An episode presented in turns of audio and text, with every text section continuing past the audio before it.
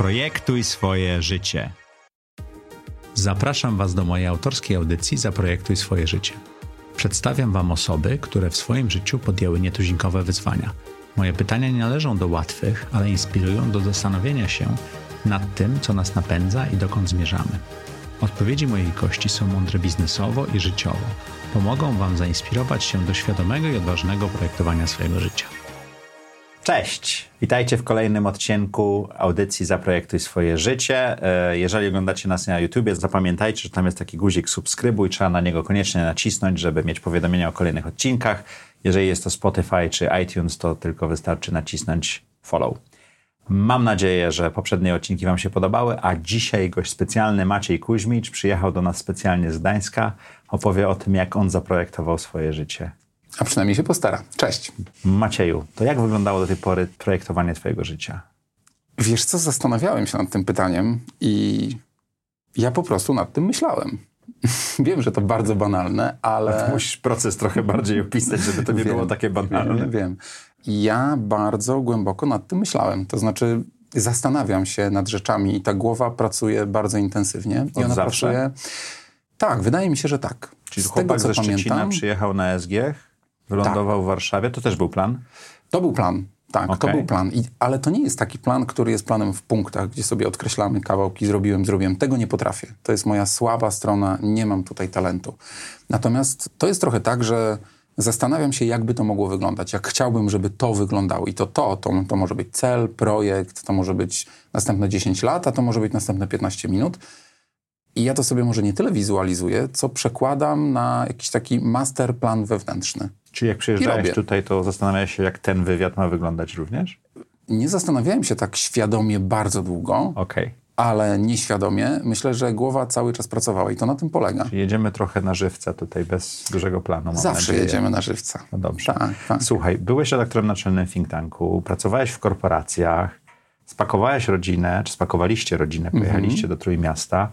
Opowiedz trochę, jak te decyzje przychodziły do ciebie i co ci dawały te prace i Pamiętam, jak się przeprowadzaliśmy do Trójmiasta.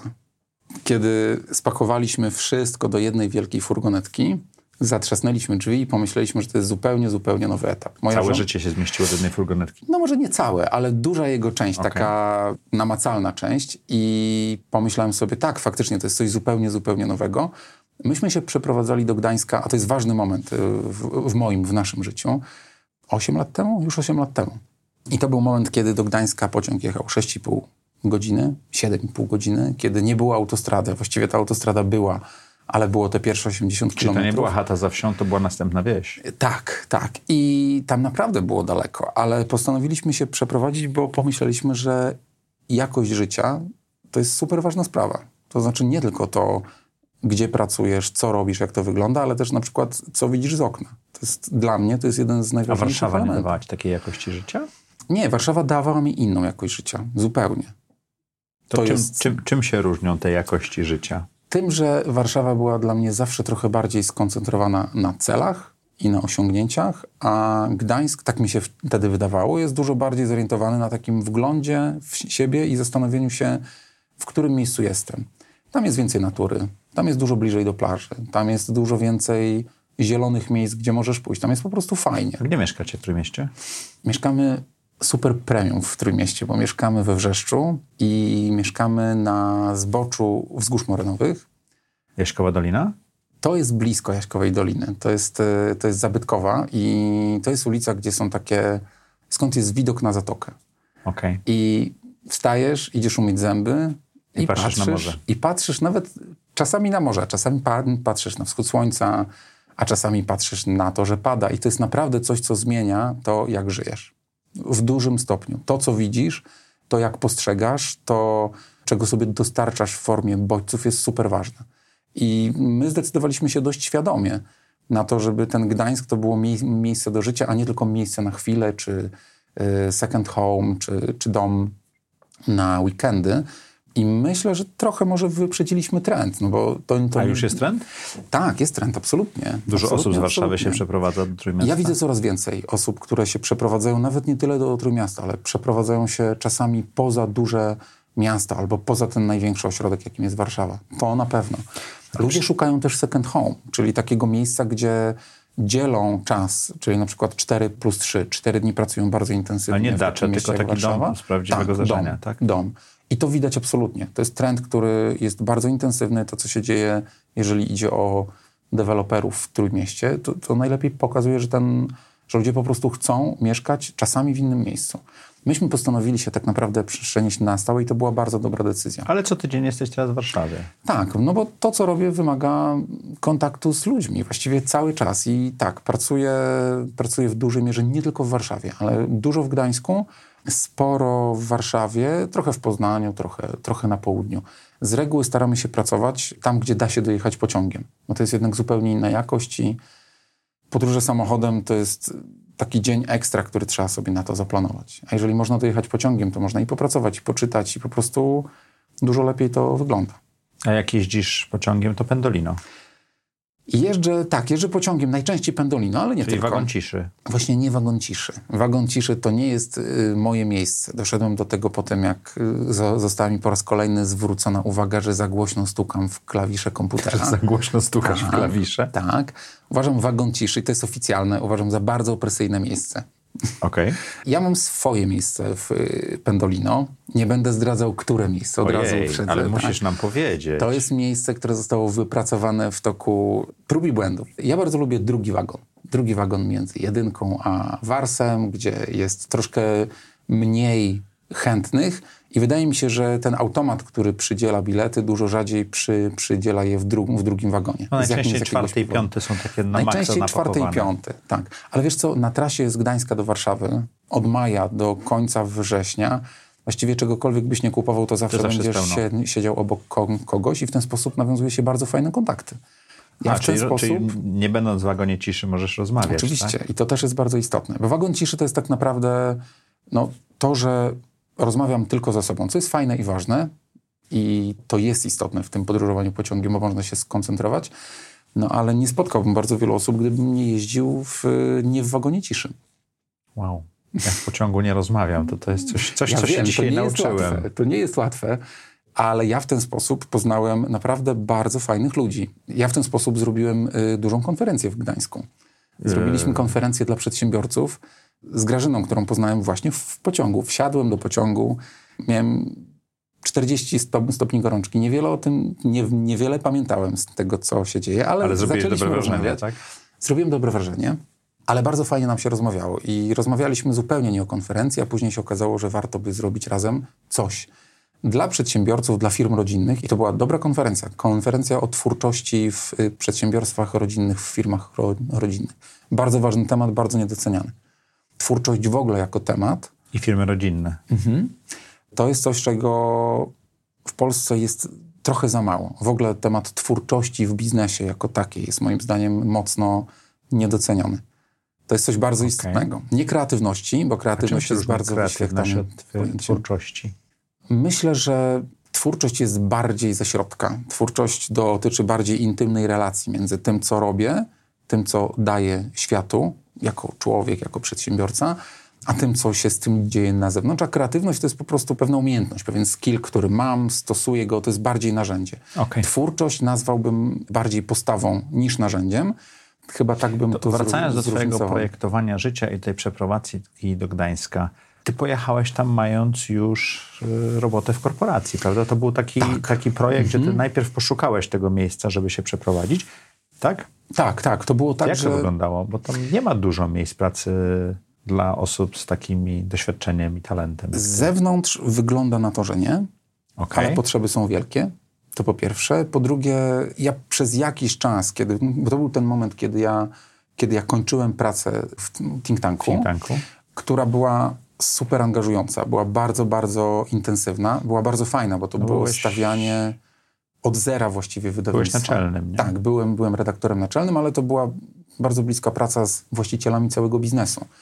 I to było bardzo ciekawe. To mnie też bardzo wyczerpało, w tym sensie, że to było dwa i pół roku, które naprawdę, przez które zrobiliśmy jakieś pięć lat przynajmniej. I to było fajne, ale w jakimś momencie też pomyślałem, że wystarczy, że ja oczywiście mogę robić jeszcze więcej projektów, jeszcze bardziej intensywnie. One mogą być jeszcze bardziej interesujące, ale to nie do końca też odpowiada na, na pytanie, no dobra, ale po co?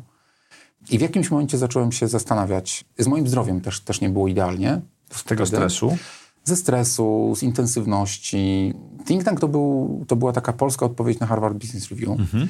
czyli bardzo ambitne przedsięwzięcie, bo, no bo benchmark ustawiony bardzo wysoko. To była taka próba wyjścia, podsumowania tego, co polski przedsiębiorca i polski menedżer wie po tych dwudziestu paru latach transformacji, czego się nauczył, jakie nowe metody wypracował, jakimi stru strukturami się posługuje, jak się komunikuje, jak zarządza. Bardzo interesujące, bo to z reguły jest traktowane w kontekście tego, co mówi się za granicą, czyli tak naprawdę za zastanawiamy się, ok, on zarządza w ten sposób, to jest bardzo bliskie na przykład lean management albo agile ale nikt się nie zastanawia, że on to robi od 30 paru lat, że ten facet jest przedsiębiorcą od samego początku. A nawet nie czytał tych książek o, o Lean, tak? Nie ma pojęcia o tym, że mówi prozą. Tak. I to było bardzo ciekawe, bo tych ludzi trzeba było znaleźć, zidentyfikować, porozmawiać z nimi, pomóc im to urodzić, w tym sensie, żeby nadać strukturę tej wiedzy, bo ta wiedza jest, ale nadawanie struktury wiedzy to jest tak naprawdę komunikacja, więc to, czym się dzisiaj... Jak ich znajdowaliście? Bo współpracowaliście z Lewiatanem, to była jedna... Współpracowaliśmy z Lewiatanem, ale to na początku oczywiście był Lewiatan, a później to było tak, że po prostu zaczęło się bardzo mocno kręcić. To znaczy ci Czyli ludzie... Sami się odnajdowali? Chcieli przychodzić. To był też projekt, który był bardzo mocno społecznościowy w czasie, kiedy te społeczności się zaczynały. Tak. Czyli on polegał na spotkaniach. On polegał na rozmowie, na witaniu się, na tym, żeby pochwalić się tym, co się zrobiło, nie w tym sensie, że zrobiłem, jestem fajny, bo oni to już dawno zrobili, ci przedsiębiorcy i naprawdę tego nie potrzebują. Tylko raczej podzieleniu się doświadczeniami, bo te doświadczenia są unikatowe. I można powiedzieć, że tak jak patrzymy na Polskę, jak na przykład w ekonomii rozwoju rynku, który zrobił niesamowity skok tak? z kraju rozwijającego się, i to, a właściwie głęboko nierozwijającego nie się, do państwa, które jest rozwinięte, ewidentnie infrastrukturalnie, edukacyjnie i tak dalej. I teraz ci przedsiębiorcy mają się czym pochwalić. To był insight, który leżał u, u podstaw, ale fajnie jest to wyciągnąć z nich od tej strony polskiej, a nie od strony amerykańskiej, niemieckiej okay. czy francuskiej. I to było niezmiernie angażujące. Trzeba było strasznie dużo rozmawiać, trzeba było bardzo mocno pracować intelektualnie z nimi, w tym sensie, że wydobycie tej wiedzy to jest sztuka. I to wyczerpuje, a oprócz tego trzeba, trzeba było... Bo to już była nieświadoma kompetencja to... u nich, oni już to potrafili robić, nie zastanawiali się, jak to robią, prawda? Mm, Często. Najczęściej było tak, że mówili, że, że zawsze tak robili. Albo na przykład, że doszli do tego metodą prób i błędów. I to jest prawda, bo tak było. Natomiast to nie wystarczy. Jak ja ci powiem, słuchaj, ja to robię tak, że tylko myślę, to nie wystarczy. To, ale, ale to po prostu jak myślisz, dużo, jak dużo wygląda twój proces? Dokładnie tak? tak. I próba nazwania tego procesu uporządkowania de facto taka komunikacja ich ze światem zewnętrznym, to było coś, co, co było do ułożenia i to pochłonęło bardzo, bardzo dużo mojej pracy, energii i takiej pasji, no bo to było fajne. A czego się nauczyłeś e, z tego projektu Think Tanka? Co wyniosłeś dla siebie? O, to była bardzo dobra szkoła, bo to było z jednej strony świetne ćwiczenie na treści, na tym, jak ją mhm. tworzyć, jak przygotowywać, bo ja przecież na początku byłem dziennikarzem z wyboru. Ja zawsze bardzo chciałem pisać, pokazywać Byłeś dziennikarzem przychodząc do think tanka. Tak, nie? tak. I to byłem bardzo dobrym dziennikarzem. I ja bardzo, bardzo to lubiłem. Bardzo lubiłem to, co robiłem, no bo jeździłem, zajmowałem się tak naprawdę gospodarką państw rozwijających się. To były Chiny, Indie, Brazylia, a później ich polityką i, i społeczeństwem. Ja tam jeździłem, opisywałem to, jak to wygląda. Gazeta mi za to płaciła. No i to było super życie. Było, ale okazało się, że w, w jakimś momencie, kiedy media się przetransformowały i to radykalnie, bo internet y, nie pozwolił na to, żeby to tak wyglądało jak dzisiaj. Czyli Agora że... trochę przegapiła ten moment, nie? Czy przegapiła? Ja nie wiem, czy tylko Agora. Ja myślę, znaczy, że w okay, ogóle media, media, media, media, tak. media były mm, w takim momencie, że ta zmiana była tak szybka, że nie dało się tego chyba zrobić inaczej. No i okazało się, że tych ludzi zatrudnionych na etatach jest przynajmniej pięć razy za dużo, więc okazało się, że najpierw zredukuje się tych, którzy jeżdżą daleko, płaci im się za to, są drodzy, Oczywiście bardzo fajnie, że dostarczają do, dobrą treść, ale co z tego, jeżeli można to ściągnąć gdzieś, gdzieś z daleka. Akurat gazeta dzisiaj i tak jest jedynym miejscem, gdzie ci reporterzy mogą pracować, mogą istnieć, więc to, to nie jest tak, że, że gazeta zredukowała wszystko do zera, ale to wtedy mnie bardzo mocno, bardzo mocno doświadczyło, bo ja myślałem, że ja w tej gazecie będę pracował do końca życia. Czyli ta zmiana trochę została na tobie wymuszona. Tak, ta pierwsza jak, zmiana tak. Czyli gazeta powiedziała, że jesteś tak. za drogi. Bo taka jest rzeczywistość nowa, internetowa. Tak, Oczywiście to było mi- milej powiedziane Nawet tak nie dalej. powiedziała, że jestem za drogi, tylko powiedziała, słuchaj, nie mamy na to kasy. Sorry, bardzo nam przykro. A to się, czym to się różni od tego, że jesteś za Nie drogi? no, niczym oprócz tego, że uśmiechali się i mówili, że, że jest im przykro i faktycznie im było. To znaczy, to, Tak, to, tak. to nie było przyjemne, bo gazeta też wiedziała, że znikają ludzie, którzy po prostu Są wartościowi. o treści. Ale I, w- I byłeś bezrobotny wtedy? Czy już ten projekt Nawet nie y, wiem, czy kiełkował? bezrobotny, nawet, ale tak, chyba wtedy faktycznie byłem bezrobotny, w tym sensie, że zastanawiałem się, no dobra, co dalej? Okej. Bo moje myślenie, to, które Znaczy miałeś być do końca cały życia czas mi projektowało, tak. Ja miałem napisać dwie, trzy książki i tak dalej, i tak dalej. Miałem wgryźć się jeszcze głębiej w to, co robiłem i prawie mi się to udało, ale nagle okazało się, że I świat się zmienił. świat się zmienił, świat mnie zaskoczył. I to, było, to nie było moje pierwsze zaskoczenie, ale ono było duże, bo to było trochę tak, jakbyś biegł, jakbyś robił taki długi maraton. Nagle I uderzył był w w jednej czwartej mniej więcej i wiedział, że tam na 40 którymś kilometrze jest ta ściana, która jest legendarna i nagle okazuje się, że ta ściana jest dużo prędzej. I I tak się bardzo często okazuje, więc to moje myślenie i projektowanie, które jest gdzieś tam podświadome, ono bardzo często się zmienia. I to jest moim zdaniem umiejętność, którą wyniosłem trochę po gazecie, trochę po think tanku też. To jak że się trzeba mocno adaptować. To były relacje, kontakty. To było tak, że zadzwonił do mnie Paweł Rabiej, który jest dzisiaj wiceprezydentem Warszawy, a wtedy zakładał właśnie think, think tank i powiedział, słuchaj, może byśmy się spotkali, mam projekt, który może być ciekawy, może byśmy porozmawiali. I tak to się zaczęło. To chy- się chyba zawsze tak zaczyna. Gdzie dwie, trzy osoby się spotykają i mówią, słuchaj, mam coś do zrobienia, może byśmy się zastanowili, czy warto to zrobić razem. Nie znam dobrego biznesu, który byłby biznesem takim osobistym, na zasadzie, że to jest jednoosobowe one-man show, który wszystko robi sam. To jest absolutnie niemożliwe.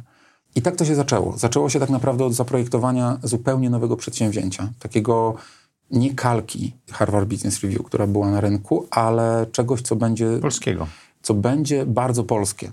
I to polskie w tym dobrym sensie. Bardzo przedsiębiorcze, bardzo dynamiczne, bardzo do przodu, no ale jednocześnie w naszym kontekście kulturowym. To jest bardzo istotne.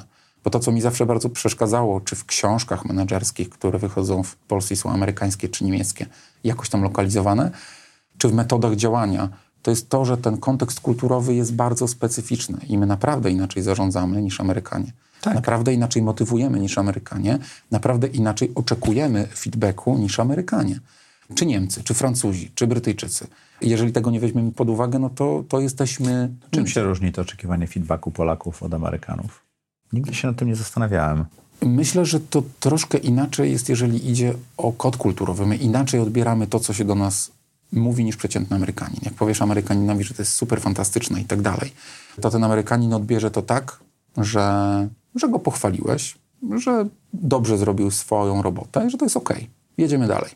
Dostał dobry feedback. Polak, jak mu powiesz, słuchaj, to jest super fantastyczne, zro, zrobiłeś, nie każdy, ale w dużej części przypadków będzie się zastanawiał, co ten tak naprawdę masz na myśli. Jesteśmy wysokokontekstowym społeczeństwem, komunikujemy się troszkę inaczej i doszukujemy się tych ukrytych znaczeń. I to czasami nam pomaga, bo pozwala odczytać, jeżeli mamy inteligencję emocjonalną, to co naprawdę w tym przekazie jest, albo nam przeszkadza, bo na przykład doszukujemy się w przekazie, który jest bardzo prosty. Zrobiłeś dobrą robotę, czegoś, czego nie ma. Dlatego te metody mm, motywowania, ja myślę, że to tu nie ma prostej odpowiedzi. Naprawdę nie ma prostej odpowiedzi. Na, natomiast pamiętanie o tym, że kultura jest tak naprawdę kluczowym elementem tego, z czym my pracujemy dzisiaj, jako przedsiębiorcy, jako lu- ludzie, jest, jest naprawdę ważne. O tym bardzo często za, zapominamy. Bardzo często widać, że zarządzamy czy przez tabelki, czy przez narzędzia, a tymczasem kontekst kulturowy jest naprawdę istotny. To ciekawe, ale kontekst kulturowy amerykański jest taki prosty, dlatego że tam jest bardzo niehomogeniczne społeczeństwo i muszą być bezpośrednie, ta komunikacja musi być bezpośrednia. I A- musi być ale- głośna, musi być Tak. jawna. Kiedy im bardziej homogeniczna kultura, Japonia, Korea, tym bardziej musi to być w kontekście, prawda? Tak, ale on jest po prostu inny. W tym sensie, że kod, którym się posługujemy, rozmawiając, jest inny. My z kulturą jako taką stykamy się od momentu narodzin. Jesteśmy jakoś socjalizowani przez rodzinę, przy stole, ze znajomymi, w firmach, na uczelniach i jesteśmy inaczej socjalizowani niż Amerykanie albo Niemcy. Tak po prostu jest. I teraz, jeżeli wiemy o tym, jeżeli sobie zdajemy z tego sprawę i jeżeli potrafimy coś z tym zrobić, super. I wtedy tak naprawdę to są ci szefowie, których się lubi. To znaczy, Wiesz, że pracujesz z kimś, kto cię rozumie. Rozumie w tym sensie, że on cię słucha bardzo uważnie, nie, nie tylko w warstwie werbalnej, w tym, co mówisz, ale słucha cię bardzo uważnie na każdym możliwym poziomie. No albo jest to szef, który przychodzi i mówi, od dzisiaj będziemy mieli co poniedziałek zebranie, gdzie każdy opowie o swoim największym sukcesie.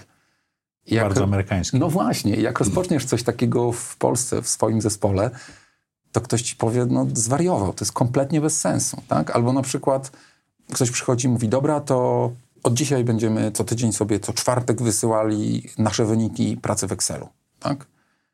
I to też nie będzie dokładnie to. To, to też nie będzie dokładnie to. Ktoś, ktoś powie, to jest tak niemieckie, że po prostu nie mogę, jak mam to wszystko zaraportować zgodnie z tabelką i rubryczką. To mnie boli, bo jestem przyzwyczajony do czegoś innego. Więc wracając do tego mhm. think tanka, jesteś w nowym przedsięwzięciu. W mhm. dzisiejszych czasach by się to nazywało startupem. Tak, to by się nazywało startupem. To by się nazywało startupem, tak. no bo trzeba znaleźć finansowanie, trzeba znaleźć klientów, tak trzeba zbudować model monetyzacji, content. Tak Wtedy się w ogóle o tym tak nie mówiło, to było raptem kilkanaście lat temu. Tak, tak, tak. tak. Przechodzisz z dużej korporacji. Mhm. No bo Agora była dużą, taką bezpieczną korporacją, czy trzeba było wypełnić mhm. expense report, czy tam jak to się nazywało, wysłać, dostać pieniądze i tak dalej. A tutaj musisz tworzyć to wszystko tak od zera. Mhm. Na koniec mieście piękne biuro na Soho i tak dalej, ale jak wyglądały te początki dla ciebie? Jak, jak wyglądał ten kontrast? Y, bo to troszeczkę był projekt, a mhm. troszeczkę był przypadek, prawda? Tak, oczywiście. I te przypadki bardzo często rządzą naszym życiem, ale na pytanie, jak to wyglądało, można odpowiedzieć tak. Ja przestałem pić kawę z mlekiem w tym momencie swojego życia, bo tak dużo się spotykałem w kawiarniach, gdzie zawsze serwują latte albo cappuccino, że absolutnie znie, znienawidziłem kawę z mlekiem. Ja nie piję kawy z mlekiem z tego powodu. Na początku nie pijesz kawę, były kawiarnie. Nie pijesz kawę z mlekiem? Z mlekiem. Okay. Piję czarną, tyl, tylko i wyłącznie. I naprawdę mi nie smakuje ta z mlekiem, bo wypiłem jej tak dużo w jakimś momencie swojego życia, że nie chcę. Bo nie było biura i każde spotkanie bo było w kawiarni? Bo nie było biura, bo na okay. początku nie było biura. Te spotkania były w kawiarni, te spotkania były w mieszkaniach, te spotkania były na mieście.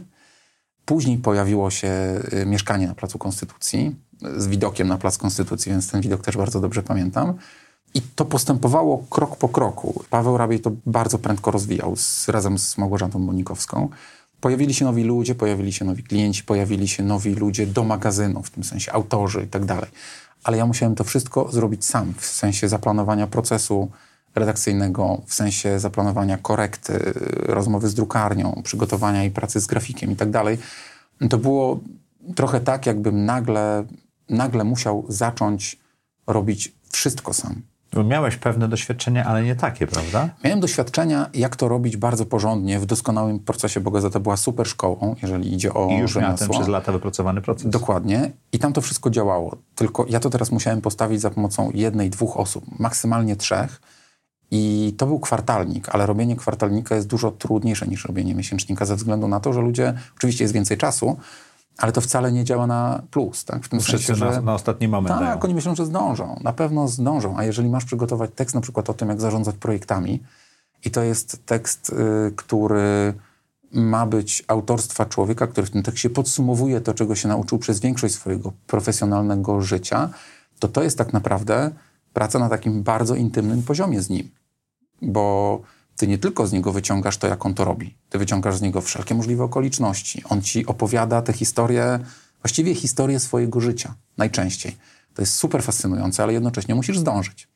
I bardzo cię ciągnie to, żeby dowiedzieć się więcej, więcej, więcej, ale ty wiesz, że musisz mieć strukturę, która pozwoli ci nie utonąć i zrobić 140 stron, które będą bez błędów, które wyjdą na czas, które rozejdą się w odpowiednim Czyli nakładzie. miesiąc tak przed drukiem był najgorszym miesiącem co roku, co, co, co kwartał, Nie, to tak? była taka praca ciągła, yy, hmm. ale tak, ten miesiąc był mega intensywny na pewno. Natomiast to, co było ważne, to taka zwykła konstatacja, która mi pomaga dzisiaj w tym, w tym co robię, ale taka konstatacja, że jak sam czegoś nie zrobisz, to po prostu nikt inny tego nie zrobi. To czego się nauczyłeś w think tanku? Taki, taki dla ciebie wartość, która została z tobą?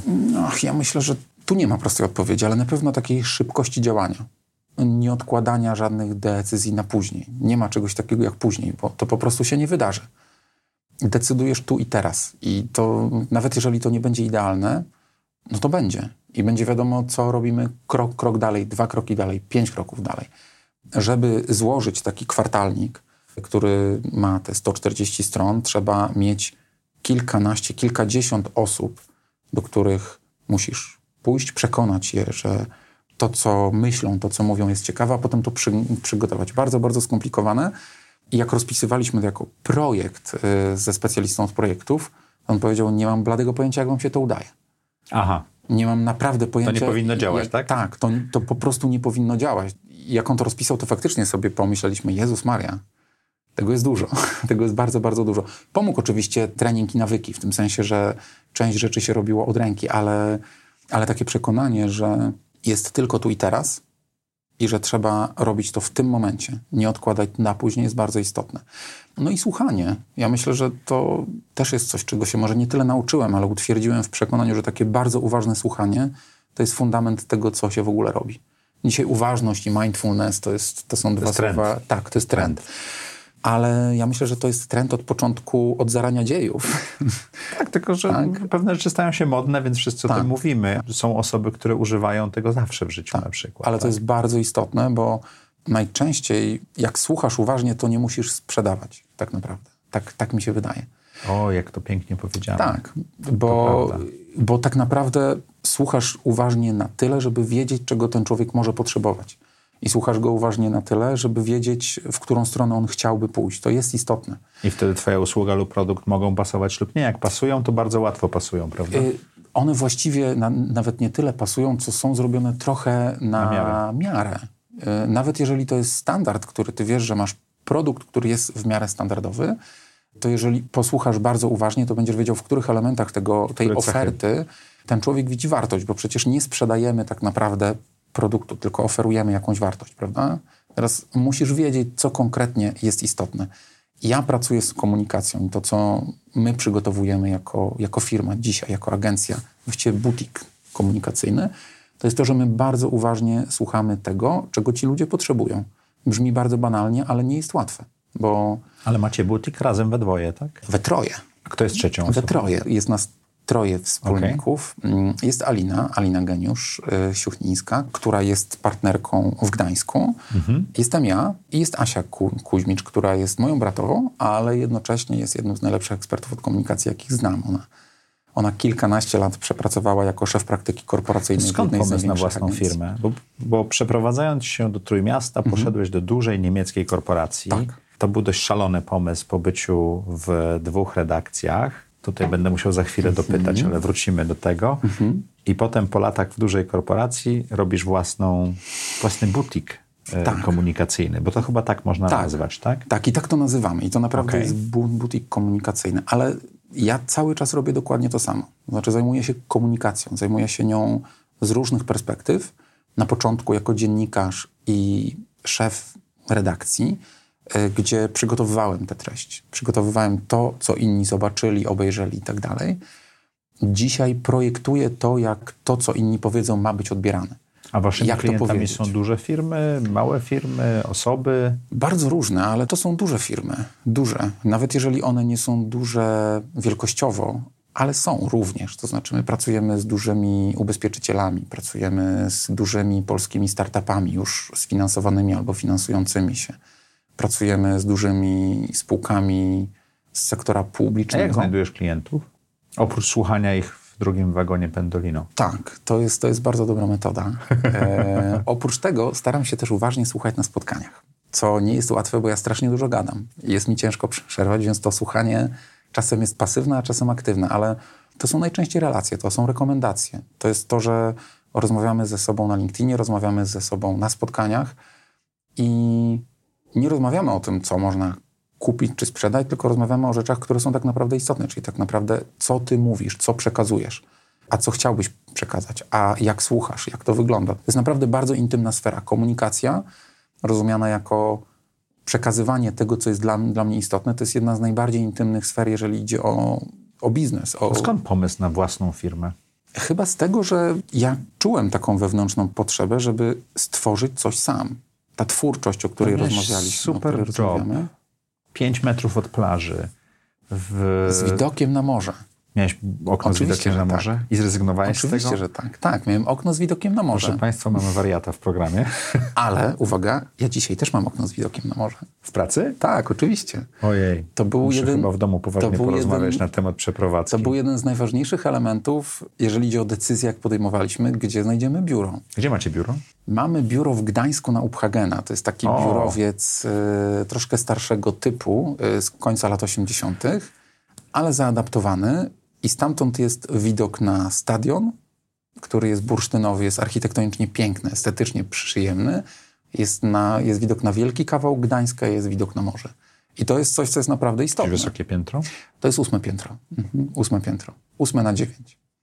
Jak Czyli prawie, pracowałem... prawie penthouse. A Prawie, naprawdę, naprawdę prawie. miałeś widok tam na plażę, te 5 Miałem. metrów i ten? Miałem takie rozsuwane okno, miałem balkon, gdzie mogłem wyjść, rozsunąć okno i Ja bym chciał dostać słyszałem, ten pokój, przyjdę pracować na dowolnym stanowisku. I słyszałem, e, ja myślę, że to jest ważne. Słyszałeś szum fal, jak, jak, jak było. Oczywiście, tak? że tak, ale to było bardzo inspirujące i to było bardzo istotne dla mnie. I mówię tu już bardzo poważnie. To nie chodzi tylko o to, że to był fajny widok. Tu chodzi o to, że morze, e, natura jako taka bardzo, bardzo inspirują, uspokajają, ale też Tak. dają czas na refleksję. I ten czas na refleksję jest niezmiernie istotny. Zresztą, jak pracowałem z moim zespołem, to często chodziliśmy coś zjeść, a później wracaliśmy plażą do biura.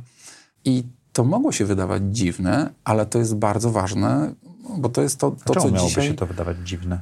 Dziwne w tym sensie, że ludziom najczęściej duża firma czy korporacja kojarzy się z tym, że to są krawaty, garnitury i tak dalej. I Chyba już plaża nie. nie do końca pasuje. No już nie. To zależy, ale Może w branży finansowej tak, branża finansowa, jest, tak, branża finansowa jest tro, troszkę bardziej konserwatywna. No to nie jest standard. Ale tak? fintech i insurtech to zmieni, myślę, równie szybko, jak zmienił branżę prasową, tak? Myślę, że nie tylko fintech i insurtech. Myślę, że to jest w ogóle podejście do tego, czego człowiek dzisiaj potrzebuje. A czego człowiek dzisiaj potrzebuje? W pracy na pewno nie tylko pracy. A czego jeszcze? docenienia, tego, żeby wiedzieć, że ktoś lubi to, co robi i że jest to, to dla niego istotne, sensu. To jest absolutnie niezbędne. Już nie mówię tylko o branżach kreatywnych, ale w ogóle o tym, co ludzie dzisiaj chcą robić. I wydaje mi się, że potrzebuje takiej harmonii. Harmonia to jest coś, co jest istotne. Szukamy pracy, w pracy rzeczy, które znajdowaliśmy kiedyś gdzie indziej w, w życiu. Myślę, że ta praca dzisiaj jest y, inna. Ona jest dużo bardziej obejmująca nas, dużo bardziej twórcza też, ale myślę, że jest dużo bardziej wszechobecna. To, że mamy dzisiaj telefon, który jest tak naprawdę taką elektroniczną smyczą, to jest coś, że my z tej pracy właściwie nie wychodzimy. Albo inaczej, możemy z niej nie wychodzić, tak?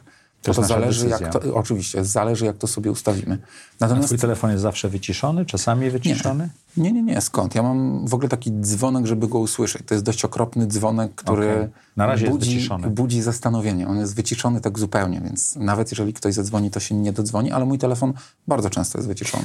Wrócę do tych moich pytań, które... Moje, te które... wszystkie powiadomienia są wyciszone, bo to jest moim zdaniem mega istotne. Tylko, te, tylko dzwonek telefonu działa. Często tak, a powiadomienia z tego powodu, że jeżeli dostajesz te powiadomienia cały czas, to znaczy, że ty cały czas musisz być bardzo aktywny, bardzo uważny, a nie da się być cały czas bardzo uważnym.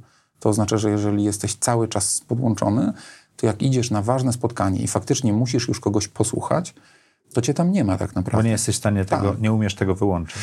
Nie umiesz, nie chcesz, yy, mm, nie jesteś do tego przyzwyczajony i wtedy tak naprawdę z tego spotkania wychodzisz z przekonaniem, że to było 45, 45 doskonale zmarnowanych minut. To znaczy widzieliśmy się, siedzieliśmy ze sobą, każdy miał swój telefon i swój drugi świat, albo ten wielki świat, taką bańkę i co z tego? I to, Dobrze, i to ja spróbuję się, z tobą jest ciężko rozmawiać, bo znasz się na komunikacji lepiej niż ja, ale spróbuję się doskrobać do paru treści, które Mhm. dla projektowania życia i tego kanału są ważne. Jak podjąłeś tę decyzję, żeby pójść na swoje teraz? Po raz pierwszy praktycznie w karierze, Mhm. zostawiając pewne bezpieczeństwo i te rzeczy. Jak to zrobiłeś? Dlaczego to zrobiłeś Mhm. i po co to zrobiłeś? Szukałem czegoś, co da mi troszkę więcej rozwoju. I to, na co pozwoliła mi Ergohestia, za co jestem jej bardzo wdzięczny, to jest to, że ja pracując jako szef komunikacji Ergohestii zajmowałem się nie tylko ubezpieczeniami. Okej. Ergohestia CSR-em? ma... Tak, ale bardzo specyficznym. Ergohestia ma program, który się nazywa Artystyczna Podróż Hestii. To jest Okej. program dla młodych polskich artystów, który pozwala im y, wziąć udział w konkursie, wyjechać za granicę na stypendium itd., tak itd. Tak Ale to mi tak naprawdę mocno uświadomiło istnienie świata sztuki jako takiego. Zacząłem to po prostu bardzo lubić. To był nowy świat się dla stało, ciebie? Tak, oczywiście. Miałem fatalne przygotowanie estetyczne i plastyczne jako takie, naprawdę. I wszyscy niestety mamy, to znaczy te lekcje plastyki, które pamiętamy ze szkoły, to jest żart. Jest tego dużo za mało. No i ja sztukę pojmowałem tak, jak mniej więcej każdy, kto kończy polską szkołę czy polską uczelnię, nie narzekając zupełnie na polską szkołę, ale po prostu tak jest skonstruowany program. Czyli wiedziałem mało, bałem się tego okropnie. Znaczy myślałem o tym, że muszę się na tym znać, żeby na ten temat rozmawiać, że muszę wiedzieć, czym to jest. A tymczasem okazało się, że wystarczy coś do tego poczuć. I to było coś, co dała mi Hestia bardzo mocno. Znaczy, że ja zorientowałem się, że to jest super ciekawy obszar, i zacząłem zajmować się... szeroki obszar y, w komunikacji. Tak. Nie tylko kupujcie nasze ubezpieczenia i jesteśmy dobrą firmą, tylko Ale dużo to więcej. w ogóle nie o to chodzi. W komunikacji ubezpieczeń i w komunikacji w ogóle. A o Jeżeli co chodzi w komunikacji ubezpieczeń, w komunikacji w ogóle? Myślę, że w komunikacji w ogóle chodzi o to, żeby przekazać tak naprawdę w błyskotliwy, prawdziwy sposób to, co masz ludziom do powiedzenia. Niekoniecznie do zaoferowania. Naprawdę. Ludzie dzisiaj nie chcą, żeby im sprzedawać. Naprawdę nie chcą, żeby im sprzedawać. A co ale ubezpieczyciel ma chcą do powiedzenia? kupować. Ubezpieczyciel może powiedzieć o tym, jakie masz emocje w momencie, kiedy wydarza się coś niespodziewanego i co powinieneś z tym zrobić Aha. prawda? I myślimy bardziej o tym, jak opowiedzieć historię o tym, że my zapewniamy spokój, zapewniamy najwyższy standard ochrony, że dajemy ci coś innego niż ubezpieczenie, które jest tak naprawdę podpisaną umową, kontraktem. Dobrze, Prawda? Ergo dało ci ten rozwój. Mhm. Dało mi rozwój i powiedziało tak, a właściwie nic nie powiedziało. Ja to sobie sam powiedziałem, a teraz zrób z tym coś więcej. I to coś więcej przyszło znowu w formie kompletnie dla mnie niespodziewanej, bo skontaktował się ze mną mój do, dobry znajomy, Kasper Kowalski, fotograf, i powiedział, słuchaj, a może ja mam fotografię, jestem fotografem, który nie tylko robi zdjęcia, ale również je sprzedaje, może byś mi pomógł to trochę ułożyć. I od takiego trochę układania wyszła moja praca z Kacprem Kowalskim, która bardzo mocno pokazała mi rynek sztuki, pokazała Ale mi, jeszcze jak byłeś to- wtedy jak to w Ergo. działa. Tak, i, i byłem w tym momencie w Ergo. I to było bardzo, bardzo fajne, bo oni mi pozwolili pracować jednocześnie też dla, dla Kacpra. I w tym sensie w jakimś momencie okazało się, że może nie tyle formuła mojej pra- pracy z Ergohestią się wyczerpała, ale czas pójść kawałek dalej. I powiedziałem, dobra, nie ma sprawy, ja w takim razie chcę spróbować czegoś nowego. I firma też szukała troszkę innego otwarcia w komunikacji. Ja tam byłem już 5 lat, więc te ście, No ścieżki miałem przede mną. Świeżyć czasami. Tak, dokładnie. I to był super moment na to, żeby zacząć coś swojego i wtedy coś swojego oznaczało dla mnie, że ja promuję Kacpra Kowalskiego na świecie. A to, Okej. jest, a to był gruby temat, bo to jest facet, który robi zdjęcia, które sprzedają się w bardzo dużych galeriach na świecie. W Nowym Jorku, w Londynie, w On robi Paryżu. takie lotnicze. Znaczy, On robi, fotogra- tak, on robi fotografię lotniczą. Ma przy tym swój własny, bardzo specyficzny kod estetyczny, kod graficzny. Te zdjęcia są abstrakcyjne, ale jednocześnie pokazują nam obiekty, które widzimy. To jest dużo Czemu bardziej... są abstrakcyjne? Ja oglądałem te zdjęcia przed nagraniem teraz Są i nie zauważyłem, Mhm. żeby były abstrakcyjne. Są, są. To, to znaczy one są bardziej kompozycjami niż fotografią z góry. To jest bardzo ważne. To jest dużo bardziej malarskie. Okej. I jak oglądasz taką fotografię w formacie 100, 150 cm na 100, wydrukowaną na fantastycznym papierze i oprawioną y, w standardzie muzealnym, no to to jest obraz. I ja wtedy, tak naprawdę pracując z Kacprem, to było bardzo płynne, że wyszedłem z Ergohestii.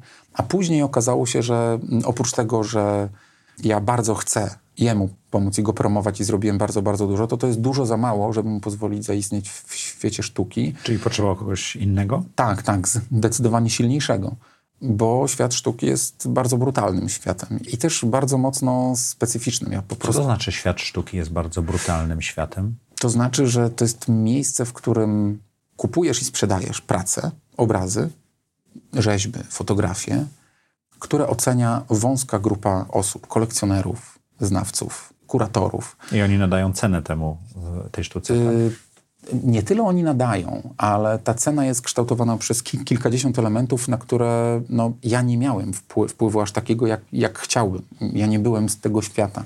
Nie potrafiłem tego robić tak, jak robiłby to ktoś, kto jest na przykład kuratorem. A Kacper miał i ma ambicje globalne i to, Czyli i to potrzebował bardzo dobrze. kuratora, tak? On potrzebował nawet nie tyle kuratora, ale też takiego agenta, osoby, która by z nim pracowała i poprowadziła tę karierę dużo, dużo lepiej, mm, jeżeli idzie o umiejętności w świecie sztuki jako takim. Czyli miałeś taki soft exit z, To był soft exit. z Mhm. Ergo w pewnym Tak, sensie, bo, tak, tak. bo to się nałożyło, ale praca z e, znanym fotografem się do, dobiegła do końca Tak. i skąd pomysł, skąd Ale to zespół? płynnie przeszło w to, że mi najlepiej wychodziły takie projekty, które były projektami z biznesem. Aha, Czyli projekty na styku sztuki i biznesu, gdzie ja doskonale wiedziałem, czego ci ludzie I to jest z ten warsztat firm... z e, Ergo poniekąd. Tak, to jest warsztat Zergo, to jest też to uważne słuchanie, Mhm. tak? Y, gdzie ważne jest to, że to są nie, nie tylko prace w sensie obiektów, ale to jest też pewien język, bo sztuka jest językiem, którym można rozmawiać z partnerami, z klientami, z ludźmi. Ja zrobiłem kilka bardzo fajnych projektów ze sztuką i z fotografiami Kacpra, które były na styku sztuki i biznesu i tych rzeczy zaczęło przychodzić coraz więcej. Nie tylko na styku sztuki i biznesu, ale po prostu marketingu, I komunikacji. wtedy powstał butik? I wtedy tak naprawdę zacząłem robić dużo więcej tematów, które były Sam. już stricte tak, marketingowe sam.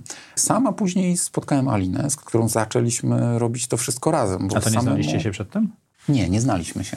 Okej. Poznaliśmy się poznaliśmy się w ten sposób, że Alina pewnego dnia zadzwoniła i powiedziała cześć, dzień dobry, mam twój kontakt od swojej siostry. Słyszałam, że umiesz w te marketingi. Aha. A ja mam bardzo fajne projekty, bardzo fajne pomysły. Alina y, ma też background komunikacyjno-marketingowy bardzo mocno. Ona pracowała z wielkimi markami energetycznymi, z Energią. Wprowadzała ją między innymi komunikacyjnie na giełdę i nie tylko. Ja z kolei miałem tę część finansową, strategiczną. Połączyliśmy to i okazało się, że to jest dokładnie to, czego ludzie potrzebują. I zaczęliśmy tak naprawdę robić to, co robiliśmy zawsze. Więc zaczęliśmy projektować kom- komunikację ludziom, którzy tego bardzo potrzebują. A skąd się wzięła kolejna wspólniczka? Z tego, że okazało się, że Warszawa rozwija się tak szybko i to, co robimy w Warszawie, że ja właściwie musiałbym przyjeżdżać tu na cały tydzień, a nie po to przyjeżdżałem 8 lat temu do Gdańska, żeby, Żeby to robić. Żeby to robić Czy macie w w Warszawie, Warszawie. trzecią osobę? Tak, tak. Mam, mamy trzecią osobę w Warszawie i to jest, no wiadomo, że tu jest bardzo, bardzo dużo różnych możliwości, różnego biznesu. I dlatego, ale też nie tylko. Asia wniosła też bardzo dużo swoich umiejętności i talentów. To jest bardzo istotne, bo to nie jest tylko regionalizacja. To można byłoby zatrudnić osobę, która po prostu rozwija biznes na miejscu. To nie o to tu chodzi. Nie Macie już rozwija się tego butiku. W sumie mamy dzisiaj tak 10-12 osób. Na stałe czy jako freelancerzy? Na stałe, na stałe. Jakie koszty poniosłeś przy zakładaniu własnej działalności? No Bo to jest takie duże przeskoczenie, dla mnie przynajmniej to było, że co miesiąc przychodziła pensja, a potem nagle co miesiąc musisz płacić pensję, a przestało. pieniądze przychodzą różnie, nie? Jeżeli chodzi o koszty, to ja bym myślał przede wszystkim o czasie. Okej. To jest największy koszt. Pieniądze są wtórne o tyle, że one zawsze będą. Jeżeli dobrze robisz to, co robisz, to one zawsze na końcu będą. Ale nie musiałeś wyłożyć jakiegoś kapitału na początek, czy to od razu tak... Bo to, Wiesz co? to Y, taki myśmy, soft myśmy, myśmy założyli, my to zbudowaliśmy bardzo organicznie. Na początku Okej. robiliśmy to sami, potem zatrudniliśmy jedną osobę, a potem dołożyliśmy kolejną i kolejną i kolejną. I okazało się, że tak naprawdę mamy 2,5 roku, prawie 3 lata istnienia na rynku. Mamy 12 osób w dwóch miastach plus freelancerów, którzy z nami pracują. I nie odczułem nigdy tego, żebym musiał do tego dołożyć, w tym sensie, że wyciągnąć pieniądze z kieszeni. Bo ja tak naprawdę potrzebowałem tego biznesu jako pracy. To jest moje miejsce pracy. Ja A sobie zarabiasz tyle, co zarabiałeś w korporacji, czy mniej, czy więcej, czy to zależy? Wiesz co, to zależy, ale to jest bilans bardzo na plus. Y, W tym sensie, że Posiadanie własnej firmy jest jednak finansowo Tak. lepsze niż praca. to czasami. Jak, jak, pewno- jeżeli jeżeli, na ona, pewno jeżeli ona odniesie sukces Na oczywiście. pewno do momentu, kiedy nie musisz od, zapłacić, odprowadzić VAT-u. VAT-u, ten, ten dzień, kiedy tak. odprowadzasz VAT. Y, Kwiecień jest tym miesiącem, kiedy się płaci. Kwiecień tak. jest ciężkim miesiącem. Ale może dlatego to jest robione na wiosnę, że jest tak pięknie i wtedy wiesz, wszystko naokoło ci mówi, że jednak nie będzie tak fatalnie. Ale zupełnie po, poważnie mówiąc, tak, myślę, że własny biznes to jest metoda przede wszystkim na zwiększenie przychodów. Tak? I to takie skokowe zwiększenie przychodów, bo to ode mnie zależy, czy ja zrobię dwa projekty więcej, czy nie. To ode mnie zależy, czy będę chciał rozwijać i ściągać z rynku więcej pieniędzy, pokazywać większe możliwości, czy nie? Czy, To czy, jak balansujesz tą to, co mam? możliwość zarabiania z jakością życia i z jakością projektu? Bo też jakość projektu, który sobie wybierasz, prawda? Chyba Tak. też ma znaczenie. No ma, ma, kluczowe znaczenie w tym sensie, że tego, co robimy, nie można robić maszynowo i to, to się po prostu nie udaje. No to jak, jak dobierasz klientów, jak pilnujesz, żeby zarobić pieniądze, jak pilnujesz, żebyś nie pracował mhm. 120 godzin tygodniowo, a może chcesz pracować 120 godzin tygodniowo? To jest dobre pytanie do mojej żony i dzieci. E, jak to robię? Natomiast... E, a, a jakby oni jak, odpowiedzieli na to? Oni by odpowiedzieli, że czasem mi się udaje, a czasem mi się nie udaje. Ale prawda jest taka, że jeżeli idzie o wybór klientów, to jest trochę tak, że My sobie założyliśmy z Aliną na początku, jak zakładaliśmy i, i potwierdziliśmy to z Asią, że my robimy to, co lubimy i w czym jesteśmy dobrzy. Że nie robimy projektów, które nie są fajne, które etycznie nie są fajne, albo które nas nie interesują. Chociażby z tego A powodu. to jest fajny projekt? Fajny to taki, który pchacie do przodu, gdzie jak coś wymyślasz, przygotowujesz. A nie fajny to jest taki, który jest y, nudny, Sztampa. bardzo powtarzalny, w którym nie ma nic nowego, który jest tylko i wyłącznie na przykład jakimś zwykłym narzędziem, które musisz wdrożyć już. Tu nie chodzi o to, że my wybieramy tylko to, co jest super ekstra. Chodzi bardziej o to, że w tym, co robimy, bardzo mocno szukamy elementów, które są ciekawe, ważne, które są rozwojowe i które popychają do przodu, bo my pracujemy z bardzo różnymi projektami. Od kryzysów, takich momentów, gdzie wchodzi się w miejscu, gdzie ta komunikacja się załamała, gdzie na przykład zwią związkowcy stoją ci u drzwi i, i właśnie rozpalili ognisko, tak albo na przykład y, jest konferencja prasowa, która okazuje się, że pokazuje jakieś fatalne elementy inwestycji, które wcześniej nie były pokazywane i musisz sobie z tym poradzić, bo masz otwarcie za trzy tygodnie, albo na przykład wdrażasz zmianę w dużej sieci swoich współpracowników i ta zmiana jest tak fatalna, że to może wywrócić twój biznes. Od takich mo momentów, przez momenty, gdzie ktoś mówi, kurczę, rozmawiałem z moimi pracownikami przez lata, i to wystarczało, a teraz połowa mi odeszła i nie mogę nikogo zrekrutować. Powiedzcie mi, co zrobić, tak? Bo już wymieniłem trzech dyrektorów HR-u. Już y, Czyli mam taką fajną komunikację bardzo szeroką. To nie jest PR, to jest cała komunikacja. To nie jest PR, nie, ale dzisiaj to w ogóle nie jest PR. Tak samo jak to nie jest marketing. Dzisiaj PR już nie istnieje? Nie, Czy ja jest myślę, jakimś subsy... Nie, to jest jeden z elementów y, tego, co ja nazywam komunikacją, takim procesem komunikacji, co porozumiewania się komunikacją? Komunikacją nazywam to wszystko, co wychodzi na zewnątrz, z naszej strony, żeby ludzie dowiedzieli się, co robimy, dlaczego to ludzie robimy. Ludzie to również pracownicy. Oczywiście. Wszyscy możliwi interesariusze. Interesariusze okropne słowo, słowo, ale spina to, co jest najważniejsze, czyli to, że my najczęściej nie zdajemy sobie sprawy, sprawy z tego, że mówimy do zbyt niewielu osób, albo mówimy nie do tych, do których powinniśmy mówić, albo ich nie słuchamy wystarczająco uważnie. To też jest komunikacja. Komunikacja nie polega tylko na nadawaniu, ale w dużej mierze na zaprojektowaniu dobrego mechanizmu feedbacku, dobrego, uważnego mechanizmu, który pozwala nam usłyszeć to, co mówi o nas rynek, klienci, pracownicy, poddostawcy, co mówią trendy. A to musimy cię zapytać, jak tam zaprojektuj swoje życie wygląda z punktu widzenia komunikacyjnego, bo my błądzimy na razie, to poprosimy cię Ale po programie. Błądzą. Ale nie, wszyscy błądzimy błądzą. totalnie, wiesz, newsletter nie działa, tam takie różne, różne śmieszne, śmieszne rzeczy, które trzeba, wiesz, dopiąć, ale to... To, to, jest, to jest początek. One są śmieszne i nieśmieszne. W tym sensie, no, że... Mogą mieć y, sensie, tragiczne skutki dla firmy mają, czy projektu. Moim zdaniem one dzisiaj mają kolosalne zna znaczenie, bo to jest proces biznesowy, który jest chyba najrzadziej dostrzegany. Myślimy o finansach, myślimy o produkcie, myślimy o pracy z, do, z dostawcami, o kliencie. Bardzo rzadko myślimy o komunikacji jako o procesie w organizacji. Bardzo rzadko myślimy, gdzie on się rozgrywa, kto za niego odpowiada, kto dostarcza tę komunikację na przykład na zewnątrz. I z reguły się mówi, no tam jest, mamy pana od marketingu czy panią od PR-u. I wtedy mówimy, no dobra, to fajnie, w takim razie co się dzieje z waszymi pracownikami, którzy szaleją w społecznościach i wy, wypisują naj, najróżniejsze rzeczy. No, już bez przesady, nie możemy w to ingerować i tak dalej. I to jest niezła odpowiedź, ale jest pytanie, czy to było zaprojektowane i przemyślane, czy nie. Bardzo rzadko jest dzisiaj, ale to też dlatego, że komunikacja to jest obszar, w którym dokonało się najwięcej zmian. I to, jak my ze sobą rozmawiamy, jak dużo informacji do nas dociera, jak dużo źródeł. kanałów się pojawiło, to to jest coś, z czym my sobie absolutnie nie radzimy. Ja nie mówię, że ja sobie radzę, ja mówię o tym, że bardzo aktywnie i intensywnie poszukuję odpowiedzi z ludźmi, z którymi pracuję. Są pewne chwyty, które można zastosować i które ułatwiają. To poprosimy Są rzeczy, chwyt. trzeba bardzo uważnie słuchać. Naprawdę. A jakiś inny chwyt? A jak już się bardzo uważnie wysłucha, to trzeba mieć ułożony proces, jak to zrobić, żeby z tego słuchania wydobyć nie tylko wiedzę biznesową, ale też informację zwrotną i jak ją podać, jak sprawić i zmierzyć, żeby ona tak naprawdę pomogła nam w podjęciu decyzji biznesowej. Czyli tak naprawdę trzeba mieć strategię komunikacji. To jest dzisiaj moim zdaniem absolutnie niezbędne. Widzę to na przykład pracując ze startupami okay. i przyglądając się startupom, jak bardzo zabawne jest to, że ludzie, którzy najczęściej mówią, mam biznes, który zmieni cały świat. A nie mówią do całego świata.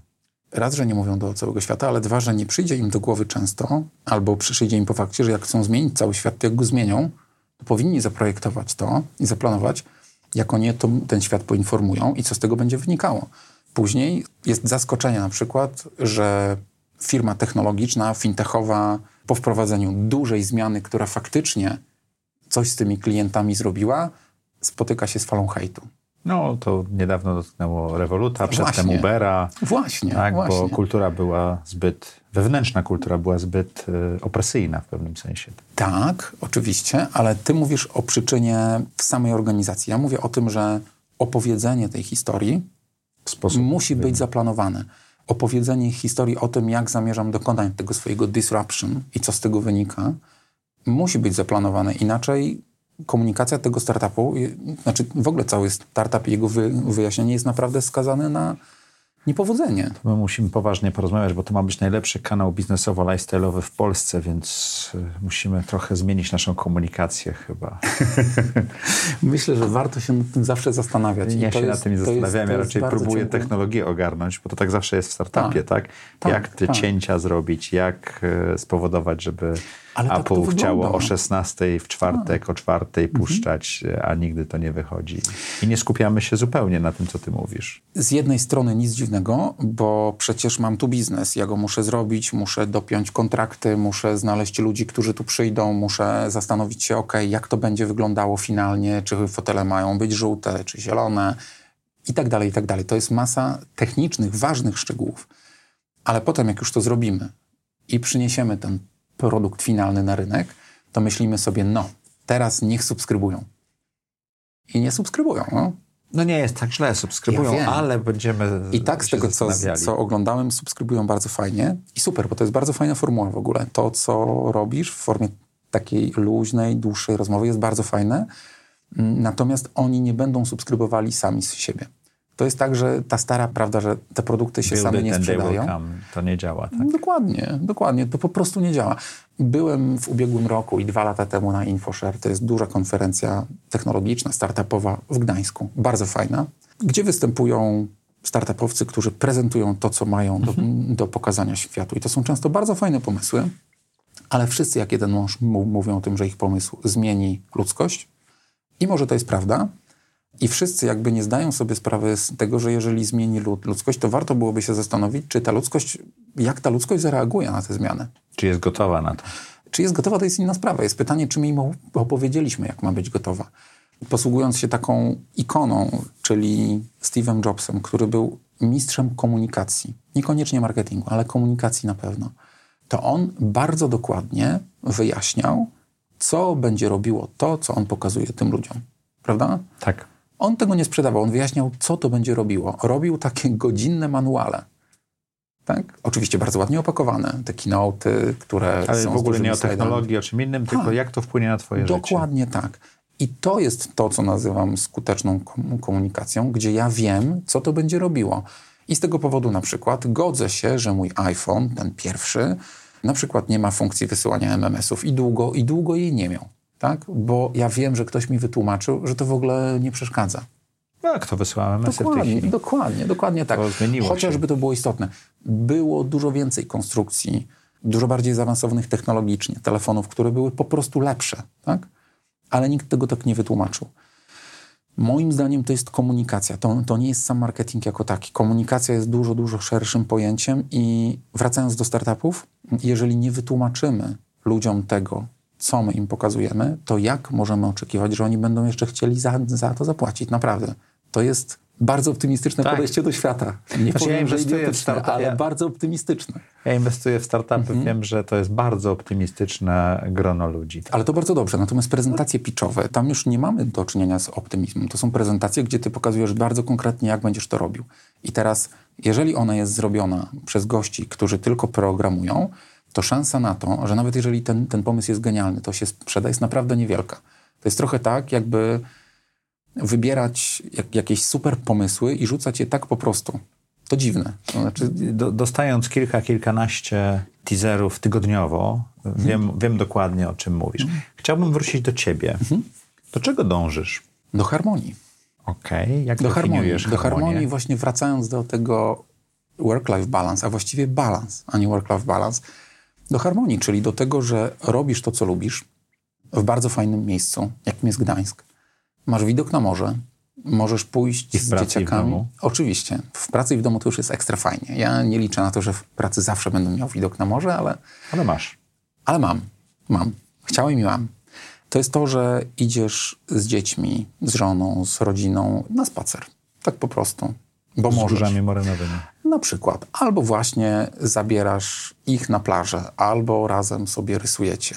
Idziesz sobie na bardzo fajną wystawę która ci się podoba i po prostu wywołuje przyjemne wrażenia. To jest to coś, co na, nazywam jakością życia. Oczywiście to, co robisz w pracy, przez to, że to lubisz, jest po prostu super jakości, no bo, bo jest, bo jeżeli to lubisz i chcesz, no to z jakiego powodu miałbyś dostarczać półprodukty? Robisz to absolutnie na maksa.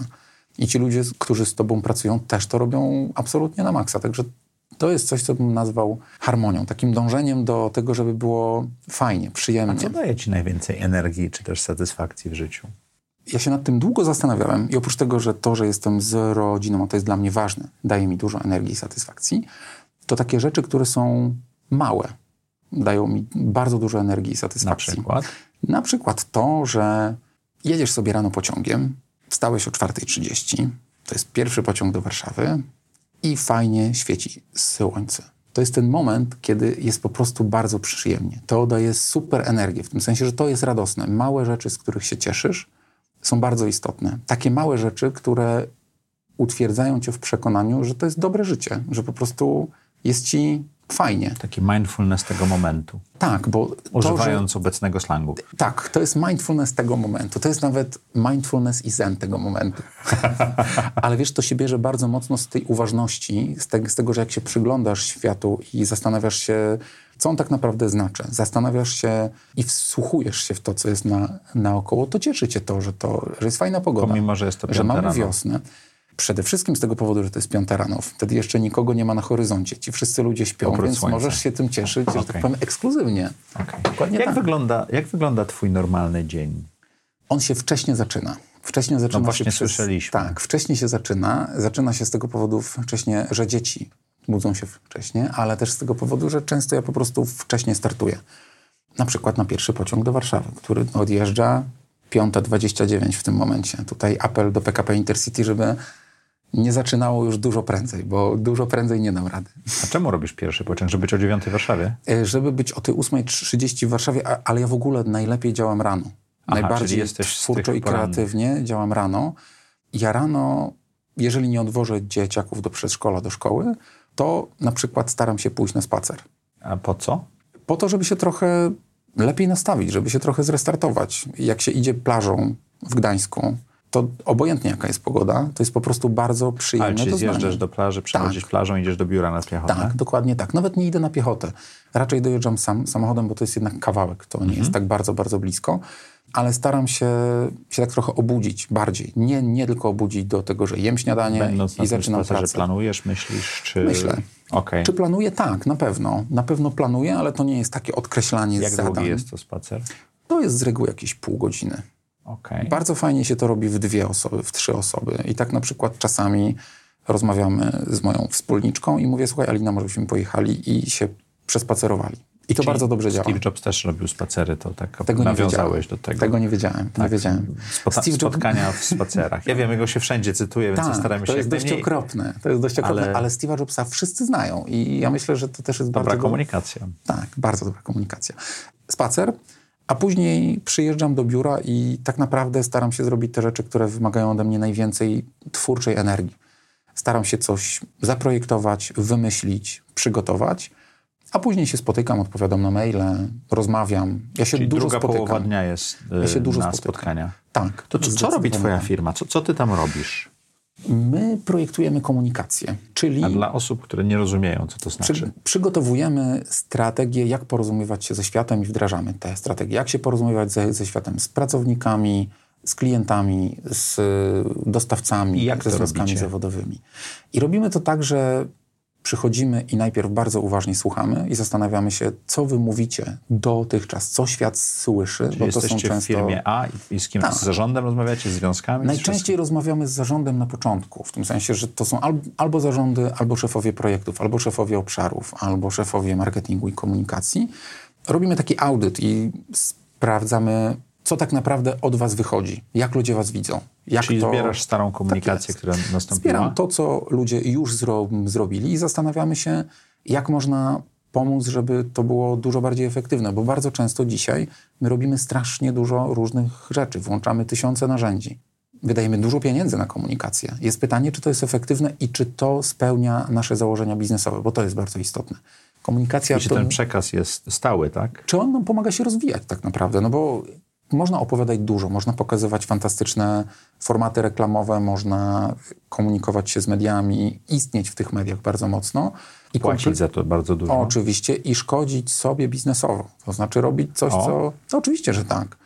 I jest dużo takich przykładów, gdzie firmy promując się w taki nieumiejętny sposób albo w sposób, który nie jest zaplanowany, zaprojektowany, bardzo często robią rzeczy sprzeczne, czyli na przykład mają fantastyczną kampanię o tym, że doceniają pracowników, a z drugiej strony do tych pracowników, tak jest, mówią, że najważniejsza jest optymalizacja.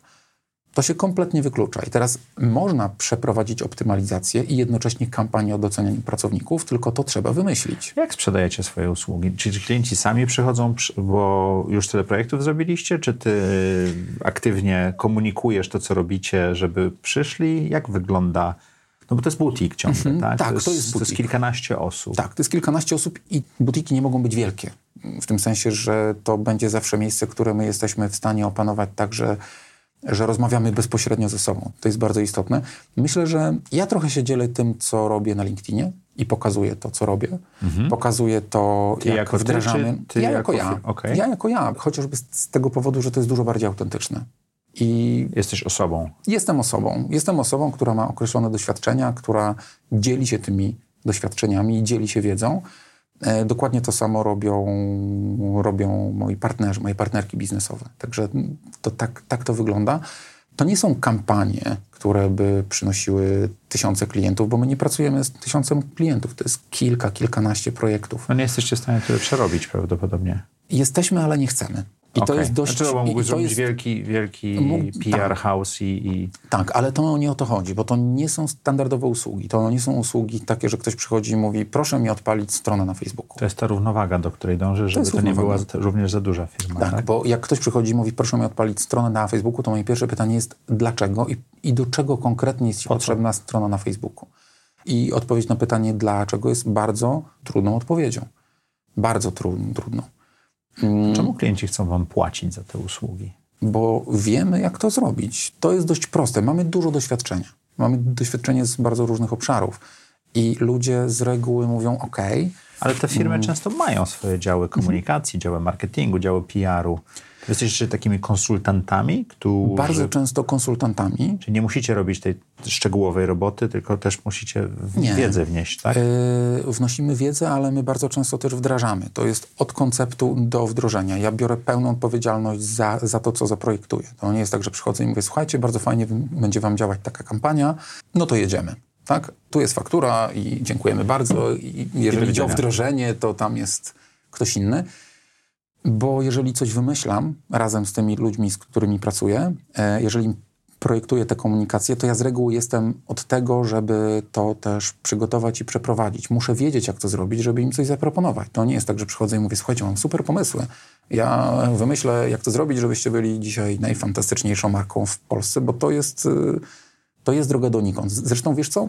Myślę, że klienci nie płacą za strategię jako takie. Za wynik. Oni płacą za to, że coś się naprawdę wydarzy i zadzieje. Mhm. Za to, że jesteś w stanie finalnie przyciągnąć na przykład y, dziennikarzy na budowę jakiegoś biurowca i pokazać im, z jakiego powodu to jest coś zupełnie innego, ważnego.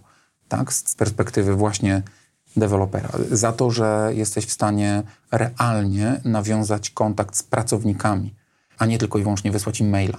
Za to, że jesteś w stanie. Że, jest, że to jest rozmowa, tak. a nie tuba. Tak jest, tak jest. My, my zresztą proponując projekty i rozmawiając o tym, co dalej robi, my z reguły proponujemy też to, jak będziemy oceniani. Znaczy, my, my przychodzimy i mówimy, zobaczcie, to są KPI, które chcemy wam zro zrobić. Nie boimy się tego, żeby je pokazać. Nie możemy zagwarantować, że je zrobimy, bo jest masa czynników zewnętrznych, ale do tego będziemy dążyli. To jest taki nasz punkt, do którego chcemy dojść i te cele są często bardzo ambitne. To działa dużo, dużo lepiej.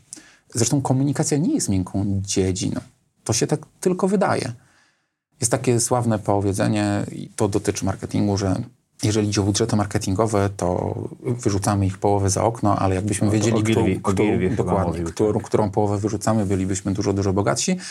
Ja nie wiem, czy cały czas tak jest, bo dzisiaj bardzo dużo rzeczy jest mierzalne, dokładnie. Natomiast y, to jest twarda dziedzina o tyle, że dzisiaj komunikacja jako taka, ponieważ ona nas przenika w formie aplikacji, telefonów, pop-upów i tak dalej, i tak już za chwilę będzie nam się pojawiała prawdopodobnie przed oczami z jakiegoś wszczepionego chipa, ponieważ ta komunikacja jest tak wszechobecna, to my musimy się zastanawiać, jak ona nas wspiera w, dział w działaniach biznesowych, a nie tylko jaki buduje nam wizerunek. Jak na przykład to, że wprowadzam zupełnie nowy produkt, opowiem swoim klientom, partnerom, ludziom, z którymi pracuję, co oni o nim usłyszą, co przeczytają. To są bardzo ważne pytania, mhm. na które taki tradycyjny, klasyczny marketing, czy tradycyjny, klasyczny PR dziś nie odpowiada Wy w 100%. Spinacie tak naprawdę marketing, komunikację, tak. sociala, wewnętrzną komunikację w jakiś ten... A przynajmniej się staramy. Rozbuchał nam się twój mhm. dzień. Yy, chodzisz po plaży, pracujesz twórczo, masz spotkania. O której wracasz do domu? Jeżeli jestem w Gdańsku, to o godzinie 16, a właściwie za 15 czwarta, muszę wyjść, żeby przejechać z Gdańska do Sopotu, odebrać Jasia i zawieźć go na trening koszykówki. Okej. Okay. Tak na tym treningu jest... pracujesz na telefonie? Na tym treningu, kiedy Jasio gra, ja jestem w stanie jeszcze gdzieś zadzwonić, przeczytać coś i tak, tak, oczywiście. Okay. Oczywiście, że pracuję. To nie jest tak, że wyłączam i mnie nie ma. I o której wracacie do domu? Wracamy koło 17.30, 18.00 i wtedy jest wtedy kolacja i tak dalej. Tak, ale jesteśmy w stanie tam bokiem okay. w miarę szybko przemknąć, obejrzeć jeden odcinek Ninjago, także... W samochodzie? W samochodzie. Znaczy okay. ja nie oglądam. Ale Aha. są tacy, którzy, żeby nie zasnąć, muszą obejrzeć odcinek Ninjago. I jest kolacja, ten taki czas, kiedy faktycznie się spotykamy całą rodziną i staramy się porozmawiać ze sobą. A czy macie wspólną kolację? Jak czasem możecie. tak jest, czasem tak jest. Okay. Byłoby idealnie, żeby tak było, no ale świat nie jest idealny i... Ale można zaprojektować, żeby był bliższy ideału. Można zaprojektować, ale jest tak dużo różnych elementów, które cię wybijają z rytmu, że takie okay. liczenie na to, że to tak naprawdę będzie, rzadko się zdarza. Ale to ideał jest taki, żeby faktycznie zjeść to razem, czy próbować zjeść to razem, a potem sobie poczytać przed snem, jeszcze porozmawiać, pobawić się, ponudzić. Pracujesz w domu wieczorem? Teraz już nie. Staram się załatwiać to, co mam do załatwienia w pracy. A z czego to wynika, że teraz już nie? Z tego, że kiedyś pracowałem właściwie cały czas. Ja nadal. Jeżeli... Rano, wieczorem i tak dalej. Tak, tak. I tam nie było takiej granicy, że mówiłem sobie, nie, teraz już, już nie pracuję. Ale pracowałeś Muszę w własnej firmie, czy jak byłeś w korporacji, czy jedno i drugie? Mm, jedno i drugie. Ja w ogóle bardzo dużo pracuję. Bo to kochasz, czy dlatego, lubię że jesteś to. pracocholikiem? Nie, bardzo to lubię. Okay. Bardzo to lubię. Ja bardzo lubię to, co robię. Okay. I to jest kwestia tego, że moje wewnętrzne fuj mówi mi, kiedy mam coś nieskończonego. To jest nieprzyjemne. Moje stan. wewnętrzne fuj? Tak, takie, że coś wewnątrz, coś wewnątrz mi mówi, słuchaj, nie skończyłeś tego, dokręć to, dokończ, zrób do końca. Perfekcjonizm? Trochę perfekcjonizm, ale trochę też to, że ja lubię kończyć to, co zacząłem. Uwielbiam to określenie. Nawet Moje nie perfekcjonizm, ale odpowiedzialność. Odpowiedzialność to jest y, jeden z moich talentów według Galupa. I ta odpowiedzialność faktycznie każe mi dowozić, każe mi robić te rzeczy do końca, mocno i tak dalej. I do momentu, kiedy ja tym nie zarządzałem tak dobrze, no to ta odpowiedzialność z pracy brała górę nad tym, co okay. się działo rodzinnie, no bo wiadomo było, że to jest takie super ważne. Tymczasem tamte rzeczy rodzinne, te rzeczy rodzinne są równie ważne, a może nawet ważniejsze. Powiedziałeś, że wieczorami czytacie. Czego się teraz uczysz? No cierpliwości. Uczę się cierpliwości, to jest bardzo ważne. A jak się uczysz cierpliwości? Na przykład czytając przed snem. Czytając przed snem takiemu 4,5-5-latkowi, kiedy wiesz, że jeszcze musisz odpowiedzieć na jednego maila, I on nie chce zasnąć, bo to jest tak ciekawe to, co czytasz, że widać, że to jeszcze będzie trwało 20 minut. Naprawdę wymaga tam, to pokładów a cierpliwości. Tam, a tam się dużo wydarza. Tak. W twojej głowie po prostu tak, burza, tak? Tak, tak, tak dokładnie. Z piorunami i to ze sobą bardzo mocno walczy, to to faktycznie jest, y, tak, to jest cierpliwość, ewidentnie. Ale też cierpliwości w tym sensie, że wiesz, jeżeli robisz coś sam i jesteś jednoosobową działalnością, a później masz dwie osoby, trzy osoby, no to przyzwyczajasz się do tego, że to wszystko jest od ręki, od razu. I tak jakbyś chciał, bo sam to robisz. A później przychodzi ten moment, gdzie jest więcej osób i to ani nie zdarza się od razu, ani, ani nie, nie wydarza się dokładnie tak, jakbyś chciał. Jest dużo więcej zmiennych, i nie jest tak perfekcyjny, jak ty byś zrobił. Nie jest, oczywiście. I, I, bardzo dobrze, że nie jest tak perfekcyjny, bo jest inne. Tak. W tej różnorodności jest, jest siła. siła tak. Jest siła. To jest też coś, co jest bardzo istotne. Natomiast ta cierpliwość jest potrzebna, żeby powiedzieć, dobra, nie ma sprawy, tak jak jest, jest wystarczająco dobrze. Takie good enough jest naprawdę istotne. A czy kiedyś można nauczyć się cierpliwości? Nie wiem, czy można się nauczyć, się ale myślę, że tak, ale myślę, że można wypracowywać kolejne stadia, kolejne etapy, które faktycznie pozwalają ci więcej zrozumieć. No bo cierpliwość to jest trochę rozumienie, tak? I to rozumienie, dlaczego ktoś zrobił tak, a nie inaczej. I powiedzenie, dobra, nie ma sprawy, zrób to w ten i w ten sposób. To nie znaczy, że to jest równoznaczne biznesowo z taką dobrotliwością, takim goody-goody na zasadzie mhm. wszystko fajnie. Cierpliwość raczej polega na tym, że ja dokładnie wiem, co, co jest na końcu, chciałbym to osiągnąć i to, że nie mam tego od razu, to jest ok. Rozumiem, że droga do tego doprowadzi. Albo i nie. Ale liczysz się z tym, że, Ale droga że nie jest doprowadzi. ważna. Tak, oczywiście, oczywiście. I ta droga jest tak naprawdę najważniejsza. A czy jest coś, co mógłbyś przestać teraz robić, co albo poprawiłoby twoje samopoczucie, albo spowodowałoby twój rozwój? Mógłbym na pewno, na pewno dużo mniej oglądać ekran telefonu. Ewidentnie. To jest coś, co... Ale przez wszczepienie tego do nerwu robić. wzrokowego, nie? Nie? nie? nie, nie, nie, Tu chodzi bardziej o to, żeby wypracować w sobie taki odruch obronny, żeby nie sprawdzać ekranu, który jest taką bramą do świata dzisiaj. I nie sprawdzać go co chwilę. Jak sobie zainstalowałem aplikację, jak dużo czasu spędzam na telefonie, przed ekranem, to pomyślałem sobie, o super, to chciał, chciałbym tyle czasu spędzać na przykład na myśleniu o rzeczach ważnych albo na rozmowie z ludźmi, którzy są dla mnie istotni. Słucham? Ile godzin dziennie ci wyszło? Wiesz co, to różnie wychodzi, ale mi wyszło 3,5 godziny Dziennie. Dziennie. Oczywiście to nie jest tylko przed ekranem, to jest też używanie telefonu i tak dalej, więc czy to jest ucho, czy jak na to patrzę, to to jest mniej więcej jedno, ale jestem przypięty do tego terminala i w momencie, kiedy sobie zdajesz z tego sprawę, myślisz sobie, że to zaszło dużo, dużo za, za daleko, szczególnie... 15% doby, czy tam 30% no, oczywiście, że tak. tego czasu, nie, kiedy jest... jesteś jakbyś się sam siebie zapytał, a ja tak myślałem sobie, ile czasu mogę spędzać dziennie przed telefonem czy przed ekranem. Ja nie mówię o tym, jak dużo czasu spędzam przed, przed komputerem, tylko mówimy tylko o jednym tym malutkim ekraniku. To jak sobie myślałem, ile czasu, to jest to myślałem, no godzina to jest maksimum. W ogóle jak tak rozsmarować i dodać te wszystkie elementy, tymczasem to jest trzy razy więcej. To no, też pokazuje. To jest razy cztery, musiałbym sprawdzić, no, ale to jest bardzo To jest ciekawe. przerażająca dana. Ja to sobie wyciągnąłem na ekran mojego telefonu i jak, Na bieżąco widzisz? Tak, to jest widget, który mnie informuje o tym, ile czasu dziś spędziłem przed ekranem. I to jest też trochę coś takiego, co pozwala mi może nie tyle kontrolować, ale mieć świadomość, gdzie jestem i jak bardzo jestem uważny tu i teraz, a jak bardzo jestem uważny gdzieś tam daleko. I czy naprawdę tam jestem uważny? To znaczy, czy tam w tych różnych miejscach typu portale społecznościowe, maile, Slack, najprzeróżniejsze komunikatory, czy to tak naprawdę mnie popycha do przodu, czy niekoniecznie. Czy to jest prawdziwy świat, czy wirtualny? Dokładnie tak. I jak bardzo on jest prawdziwy, bo to jest, to jest bardzo istotne. Otaczamy się ludźmi, którzy na nas wpływają. Stajemy się takimi ludźmi, jak te najbliższe mhm. kilka osób nazywane to jest Power 5, czy tam Power X, tak, zależy jaka to cyfra. Te pięć lub kilka najważniejszych osób, które ma na ciebie największy wpływ, który powoduje, że jesteś kim jesteś, że jest, rozwijasz się i tak mhm. dalej. Rzeczywistych lub wirtualnych. Wirtualnych w sensie, tak. że niekoniecznie spotkałeś się, na przykład czytałeś. Mhm, mhm. To jest bardzo fajne pytanie. To jest najtrudniejsze pytanie, na jakie musiałem sobie znaleźć odpowiedź, jak przygotowywałem bo jest strasznie dużo takich ludzi, którzy na mnie wpływają. Natomiast te najbliżej taka, mają te najbliższe, wpływ. tak, te najbliższe, najważniejsze, te najbliższe, najważniejsze to jest przede wszystkim rodzina. I to ta najbliższa rodzina. To jest moja żona, która jest super ważna ze względu na, na to, że pokazuje mi takie wszystkie nieoczywiste rzeczy. Ja dużo więcej widzę przez to, co ona robi, jak to robi, jak można w ogóle postępować. To jest, przez inny to jest, kąt to jest bardzo istotne. Przez inny kąt patrzenia, przez to, że ma, ma dużo talentów, których ja nie mam. To absolutnie. I to jest naprawdę ważne, bo widzę, jak można na przykład rozmawiać z dziećmi, jak można załatwiać sprawy. To jest coś, co ja robię inaczej. I w tym sensie to mnie bardzo, bardzo wzbogaca. Na pewno dwójka moich dzieci. Mhm. I to jest Jaś, który ma za chwilę 5 lat i Marysia, I która ma ciebie? prawie 8 lat. Tak, i to bardzo mocno. To jest sprzężenie zwrotne, bo oczywiście my edukujemy dzieci, opowiadamy im o świecie i, i pokazujemy, jak to, jak to wygląda, ale jednocześnie one nas bardzo mocno lepią, przynajmniej w moim przypadku, mhm. kształtują, pokazując, jak można na ten świat patrzeć. Ja mam w ogóle, patrząc na świat, patrzę na to przez pryzmat tej komunikacji, czyli tego, jak się porozumiewamy.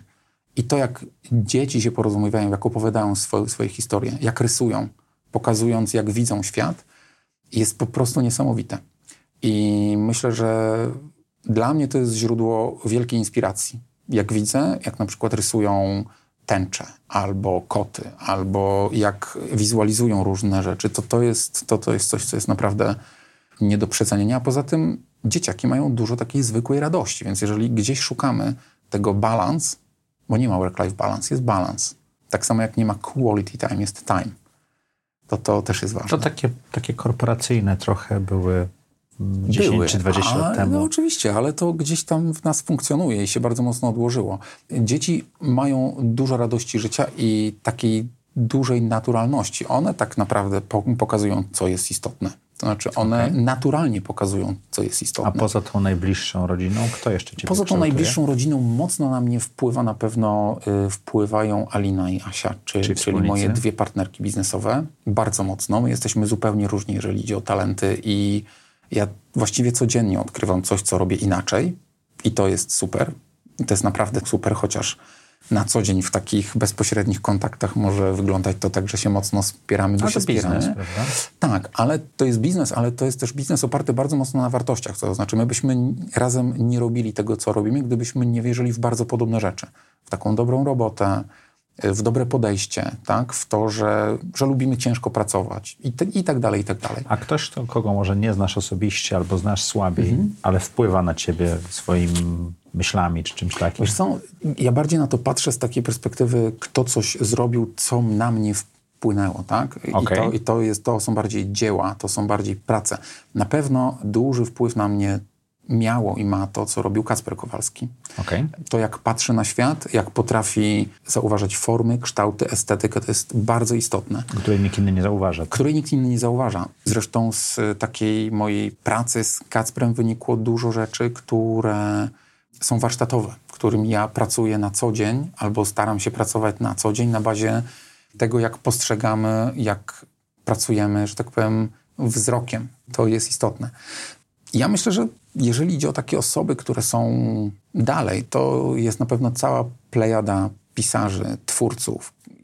Ja czytam, ja bardzo dużo pochłaniam treści jako takiej, którzy się we mnie gdzieś tam odłożyli. I to taka lista, długa lista dobrych pisarzy, to jest na pewno długa lista ludzi, którzy na mnie wpłynęli. To nie są pisarze, to nie są twórcy biznesowi. A zresztą. Książka, która? Na pewno nie jedna.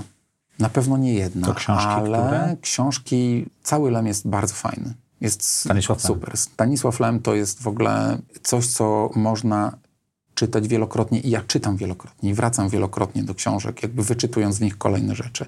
Ale też tacy świetni opowiadacze historii, jak na przykład Hemingway, który mhm. jest takim pisarzem, który potrafił w kilku zdaniach zawrzeć sens. To też jest bardzo blisko komunikacji, to też jest bardzo blisko takiego wyciągania sedna ale rzeczy, które są istotne. cię tutaj złapać. Mhm. Ta jedna książka, która? Jedna książka, która to nie, Lema, by, to nie byłaby książka do czytania. Nie, to ja bym właśnie ja bym nie mówił o książce do czytania, bo tych książek do czytania jest bardzo dużo. Ja bym myślał o książce, która jest albumem do oglądania. Okej. Okay. to jest moim zdaniem... To który mm, album to jest? I to byłby Kacper Kowalski. To byłby jeden z jego albumów, albo Over, albo Efekty Uboczne. To są fotografie, które bardzo głęboko zapraszają cię do, do autorefleksji. Można je kupić, ja je nawet mam okay. dla ciebie. Także o, tak. Dziękujemy tak. ślicznie. Bo myślę, że warto to zauważyć. I fotografie Kacpra są no, są zjawiskowe. To nie jest tylko fotografia z powietrza, której dziś jest bardzo dużo przez drony. drony. To jest fotografia człowieka, który lata na paralotni samodzielnie i fotografuje. To jest coś zupełnie innego. Te zdjęcia człowieka, który fotografuje z góry, a zdjęcia drona, który fotografuje z góry, to jest zupełnie inna kategoria. Zupełnie inna kategoria. W ogóle i ja jestem przekonany, że takie myślenie wizualne to jest dzisiaj coś, co jest niezmiernie istotne i dlatego myślę, że książka, która dziś jest ważna i inspiruje, a tak bym zdefiniował to pytanie o książkę, która, zapytałbym książka, która inspiruje to, to oglądałbym zdjęcia, patrzyłbym na albumy fotograficzne. To jest dla mnie coś, co bardzo mocno napędza estetycznie. Czyli wracając do pytania, mhm. używając Twojej wiedzy, pytanie powinno być zadawane książka, która inspiruje, ja je tak zinterpretowałem. Okej. Okay. Ja specjalnie, ja, je tak, zostawi, ja specjalnie tak. je tak zostawiłem otwarte, żeby każdy mógł interpretować tak. inaczej. I to jest bardzo fajne. Uważam, że to jest bardzo fajne, bo każdy w nim znajdzie coś innego. Bo każdy dla... znajdzie coś swojego. Tak, i każdy zna, znajdzie coś swojego. Książka, która inspiruje, to jest dla mnie dzisiaj album, który jak oglądam, to przychodzą mi do głowy z obrazów myśli. To jest naprawdę istotne Czyli o tyle, to, to, to, co sztuka robi z naszym mózgiem. Dokładnie tak. I dlatego wydaje mi się, że ta sztuka jako taka i fotografia jako taka to jest coś, co naprawdę warto kultywować. Warto chodzić do galerii nie po to, żeby się pokazać, tylko żeby po prostu poczuć się Chłonąć. przyjemnie. Dokładnie tak. I ja na swoje 40 urodziny zaprosiłem sam się, siebie i moją żonę do Florencji, do tego, żeby obejrzeć malarzy renesansu. I to nie jest dlatego. najbardziej ulubione muzeum? To jest to we Florencji? Nie mam ulubionego muzeum. Nie, nie mam ulubionego muzeum, no, ale są, są takie galerie, które po prostu, które urywają głowę. Jak wejdziesz do galerii Która Uffizi, to, byłaby? to była akurat Uffizi? galeria Uffizi, i gdzie przechodzisz przez salę, gdzie wiszą prace, które dają ci fizyczne zadowolenie. Mhm. Radość z tego, co widzisz. To jest bardzo harmonijne, to jest bardzo czyste, i to natychmiast mnie resetuje i napędza. To znaczy, to daje mi przestrzeń do, do myślenia. Mamy w ogóle, jeżeli idzie o estetykę i o to, co widzimy, mamy straszny śmietnik naokoło nas. Tak? Znaczy, to, co widzimy przez ułamki sekund scrollując Facebooka, to, co widzimy w internecie, to, co widzimy naokoło. To jest robione szybko na szybką konsumpcję. Tak. Taki McDonald's komunikacyjny. Tak jest. A tam przychodzisz i widzisz pracę, która tam wisi od 600 lat i ludzie płacą za to, żeby to oglądać. No to patrząc na to z perspektywy biznesowej, jaki to jest niewiarygodny produkt i to jest najczęściej unikat, tak? Ja lubię Guggenheima, tam mhm. są dużo młodsze Guggenheim prace. jest ekstra. Tak. Guggenheim jest bardzo fajny. Lub Albertine mhm. też, ale to te 600 lat dla mnie nie przemawia, bo dla mnie dzieło do mnie przemawia niezależnie jasne, od wieku. Jasne, tak? jasne, jasne. Tutaj to 600 lat jest mniej istotne. Bardziej istotne jest to, że to wywołuje w emocje. tobie wewnętrznie emocje i ta emocja jest na tyle silna, że czujesz wewnętrzną radość. To jest naprawdę super. Myślę, że takie przechodzenie przez kolejne sale, oglądanie, tak naprawdę taka percepcja, to jest najlepsze, co sobie można zafundować, przynajmniej dla mnie. MoMA nowojorska mhm. też jest fantastycznym mhm. miejscem. Przychodzisz, oglądasz prace, których często kompletnie nie rozumiesz, ale tam nie ma co rozumieć. To trzeba wziąć. To trzeba czuć, poczuć. I ja, jak usłyszałem to zdanie kiedyś dawno temu, właśnie pracując w Argohestii, za co jestem jej wdzięczny, bo, bo powiedziałem właśnie człowiekowi, który wymyślił artystyczną podróż Hestii, że ja to nie do końca rozumiem, ale będę to robił i komunikował. On tak na mnie popatrzył, badawczy, i powiedział, tu nie ma co rozumieć, to trzeba czuć. To był ten aha moment? I, I, to był, nie, to był ważny moment, w którym zrozumiałem, że to jest kompletnie nienapięte, że ta sztuka, którą oglądasz, te prace, na które patrzysz, tu w ogóle nie chodzi o to, żeby to rozumieć. Tu chodzi o to, że oglądasz i coś z tobą się wydarza. Tak? Albo na plus, albo na minus, albo ci się podoba, macie albo sztukę w domu? Wieszacie sztukę w domu? Mamy. Mamy jej nie tak dużo, jakbyśmy chcieli, ale mamy parę prac, kilka fotografii, które są dla nas ważne i każdego bym zachęcał, żeby myśląc o, swoim, o swojej przestrzeni, w której żyje, mieszka, pracuje, żeby otaczał się sztuką jako taką. To nie muszą być przedmioty, które są bardzo drogie i można kupić prace, które są pracami artystów, młodych artystów za naprawdę niewielkie pieniądze. Dobrze je oprawić i powiesić na ścianie i to jest zupełnie inna relacja estetyczna niż reprodukcja, nie chcę powiedzieć reprodukcja z Ikei, ale niż to, że na przykład... Niż masowa reprodukcja. Niż, ona może być masowa. Tu nie ma kłopotu. Tu chodzi o to, żeby to było, żeby to było dobre jakościowo. Tak? Że to jest istotne. To, na co patrzymy i to, jak postrzegamy, naprawdę ma na nas gigantyczny wpływ. To, czy jesteśmy w harmonii ze sobą i czy czujemy takie wewnętrzne ok, jest złożone z bardzo wielu elementów. I nie tylko z tego, czy dzisiaj dobrze zrobiłem projekt, czy wypracowałem i tak dalej, ale też z tego, czy moje doświadczenia wzrokowe y, były fajne. Ja dlatego lubię spacerować nad, nad, nad morzem i się gapić na horyzont. Po prostu. To jest jaką, przyjemne. Jaką masz supermoc? O, wydaje mi się, że słuchanie. Słuchanie. Takie słuchanie, które jest aktywnym mówisz. Wiem. Jak, jak, jak to działa? Ja, ja, ja myślę, że to jest słuchanie. To działa w ten sposób, że ja zbieram te dane z zewnątrz, przetwarzam je podświadomie i wychodzą mi z tego fajne, okay. dobre rozwiązania. To mi się układa w pewien kształt.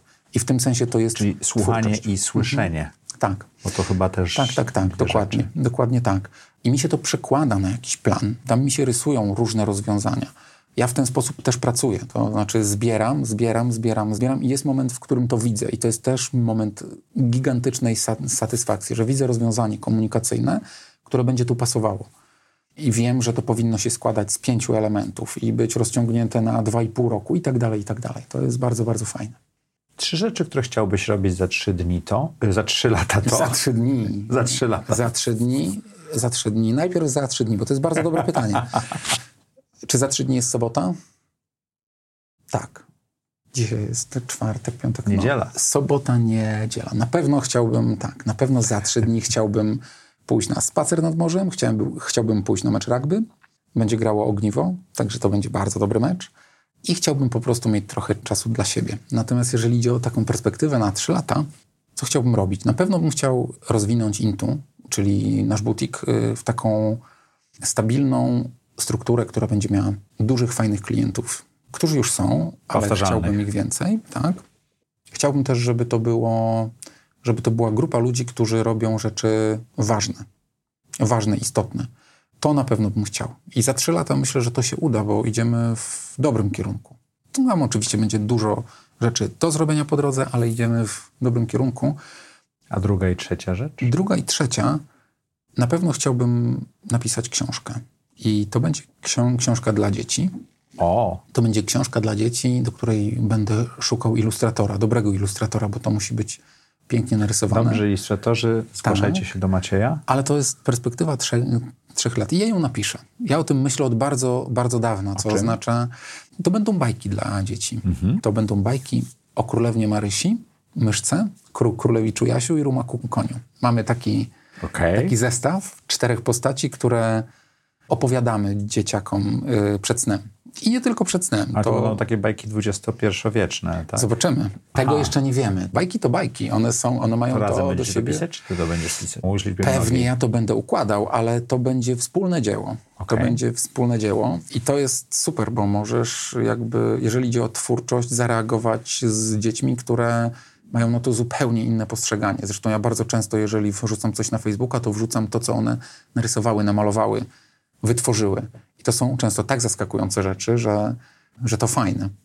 A trzecia rzecz, szczerze mówiąc, nie wiem, co mogłoby być trzecią rzeczą, ale myślę, że za trzy lata chciałbym mieć obejrzanych więcej takich galerii jak Uficji. Na pewno. To nie bardzo, tylko raz w roku. To jest, to jest coś, co jest, tak, to jest ambitny plan, ale on jest absolutnie do zrobienia. To daje dużą radość, naprawdę. Dużą wewnętrzną radość. Taką, że człowiek myśli sobie, kurczę, ale to jest dobre stoisz przed taką pracą i myślisz sobie naprawdę, to jest bardzo, bardzo dobre. Czego nauczyłeś się w 2018 roku? Hmm. Z takich biznesowych rzeczy, na pewno tego, że wizualizacja danych to jest coś, co będzie absolutnie, jeżeli idzie o komunikację, będzie absolutnie na topie. To będzie bardzo, bardzo ważne. Bo tych danych jest tak dużo. Danych jest za dużo, to po pierwsze. Po drugie, my zupełnie inaczej je przyswajamy. I słowo czytane to jest tak naprawdę najprostszy sposób na przyswajanie danych. Więc wizualizacja, to jak pokazujemy nie tylko cyfry, ale też emocje, to będzie coś, co będzie bardzo ważne i my nad tym naprawdę dużo pracujemy. Bardzo duża część tego, co robię dzisiaj, jest pracą nad tym, jak myśleć i opowiadać wizualnie. W nowy sposób, tak żeby to było interesujące, ale żeby jednocześnie było dynamiczne, żeby każdy mógł z tego wyciągnąć historię dla siebie. Tego na pewno się nauczyłem i to będę robił. Nauczyłem się też, że nagrody są po to, żeby je dostawać. Takie o, nagrody okay. biznesowe. A, okej. Okay. Tak. Dla waszego butiku. Tak, dokładnie. I to jest y, też nagrody ważne. są po to, żeby je dostawać. Tak, że to nie są jakieś, jest branża, są nagrody, to jest daleko i tak dalej. To jest absolutnie dosiężne. To jest taka nauka, że jak się zrobi dobry projekt, odpowiednio go opowie, to świat to doceni. To nie było dla mnie takie oczywiste od zawsze. Myśmy dostali po tak naprawdę niecałych dwóch latach funkcjonowania, dostaliśmy e, dwa spinacze. Złoty okay. spinacz i brązowy spinacz to jest, jeżeli idzie o branżę PR-ową, komunikacyjną, to jest, to jest dużo. To jest dużo. Bardzo dużo. I dostaliśmy ją za bardzo trudny projekt. Za komunikację kryzysową i za strategię Forum Gdańsk, czyli takiego centrum w centrum miasta, w centrum Gdańska, zabudowa przestrzeni, która zawsze leżała odłogiem. I w jakimś momencie, jak to zaczęło wychodzić z ziemi, okazało się, że to jest wielkie i betonowe, to zaczął się gigantyczny kryzys, bo nikt nikomu nie wytłumaczył, co to ma być. Po prostu zapomniano o tym w jakimś momencie, że kurczę, fajnie byłoby wyjaśnić ludziom, co tam rośnie. Sąsiadom. Dokładnie, ale nie tylko sąsiadom. No wiesz, jeżeli masz obiekt w centrum miasta, który zaczyna wychodzić z ziemi i jest betonowy, i on jest w takim miejscu w Gdańsku, w którym mija go codziennie kilkadziesiąt tysięcy ludzi jadąc do pracy, no to to jest duże zadanie. I udało się. Udało się naprawdę dość ciężko nad tym pracowaliśmy. Dostaliśmy za to dwa spinacze. Super. Moim zdaniem to mnie nauczyło, że takie rzeczy są w zasięgu firmy, która istnieje niecałe dwa lata wtedy i są w zasięgu ludzi, którzy się zebrali ze sobą i pomyśleli, zróbmy bardzo dobrą komunikację. Zróbmy to po swojemu zróbmy to tak, jak uważamy, że będzie dobrze, nie oglądajmy się na innych, bo tam było bardzo dużo pomysłów. Także tego się na pewno nauczyłem i nauczyłem się, a właściwie czy nauczyłem? Dotarło do mnie po raz kolejny, że tak naprawdę, tak naprawdę super ważny jest czas, który spędzamy z bliskimi. Naprawdę. Ja nie bez powodu mówię o tej rodzinie, która jest dla mnie fundamentalna. To jest coś, co cię napędza, nakręca, daje ci energię do działania. Bez tego właściwie nie byłbym w stanie zrobić znakomitej większości tego, co robię, na pewno. Okej. Okay. Mhm. Macieju, co chciałbyś, żeby nasi słuchacze i widzowie zapamiętali z tej rozmowy? Że warto powiesić sobie przynajmniej jedną oryginalną fotografię w, dom, w domu i na nią patrzeć.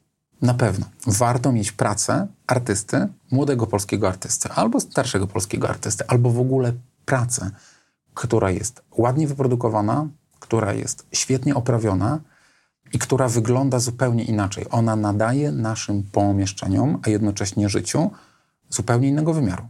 Naprawdę. Jeżeli Absolutnie się z Tobą zgadzam. Warto obejrzeć to, co ma się na ścianach, zastanowić się, gdzie jest to miejsce, w którym byśmy to chcieli powiesić, powiesić tam coś, co uważamy za fajne, coś, co nam się podoba. Nie trzeba być do tego żadnym koneserem, nie trzeba być do tego żadnym kolekcjonerem. Trzeba tylko chcieć powiesić coś, co mnie wyraża, coś, co jest fajne i ze mną rozmawia. To naprawdę zmienia postrzeganie. Ja bym osobiście polecał Kaspra Kowalskiego. Oczywiście. Dziękuję Ci ślicznie. Dziękuję. Słuchajcie, jeżeli dotrwaliście do tego momentu, to tam na dole trzeba kliknąć subskrybuj. Bardzo Wam dziękujemy. Jak e, co tydzień zapraszamy w czwartek o czwartej na kolejny odcinek audycji Zaprojektuj swoje życie. Dziękuję ślicznie. Dzięki.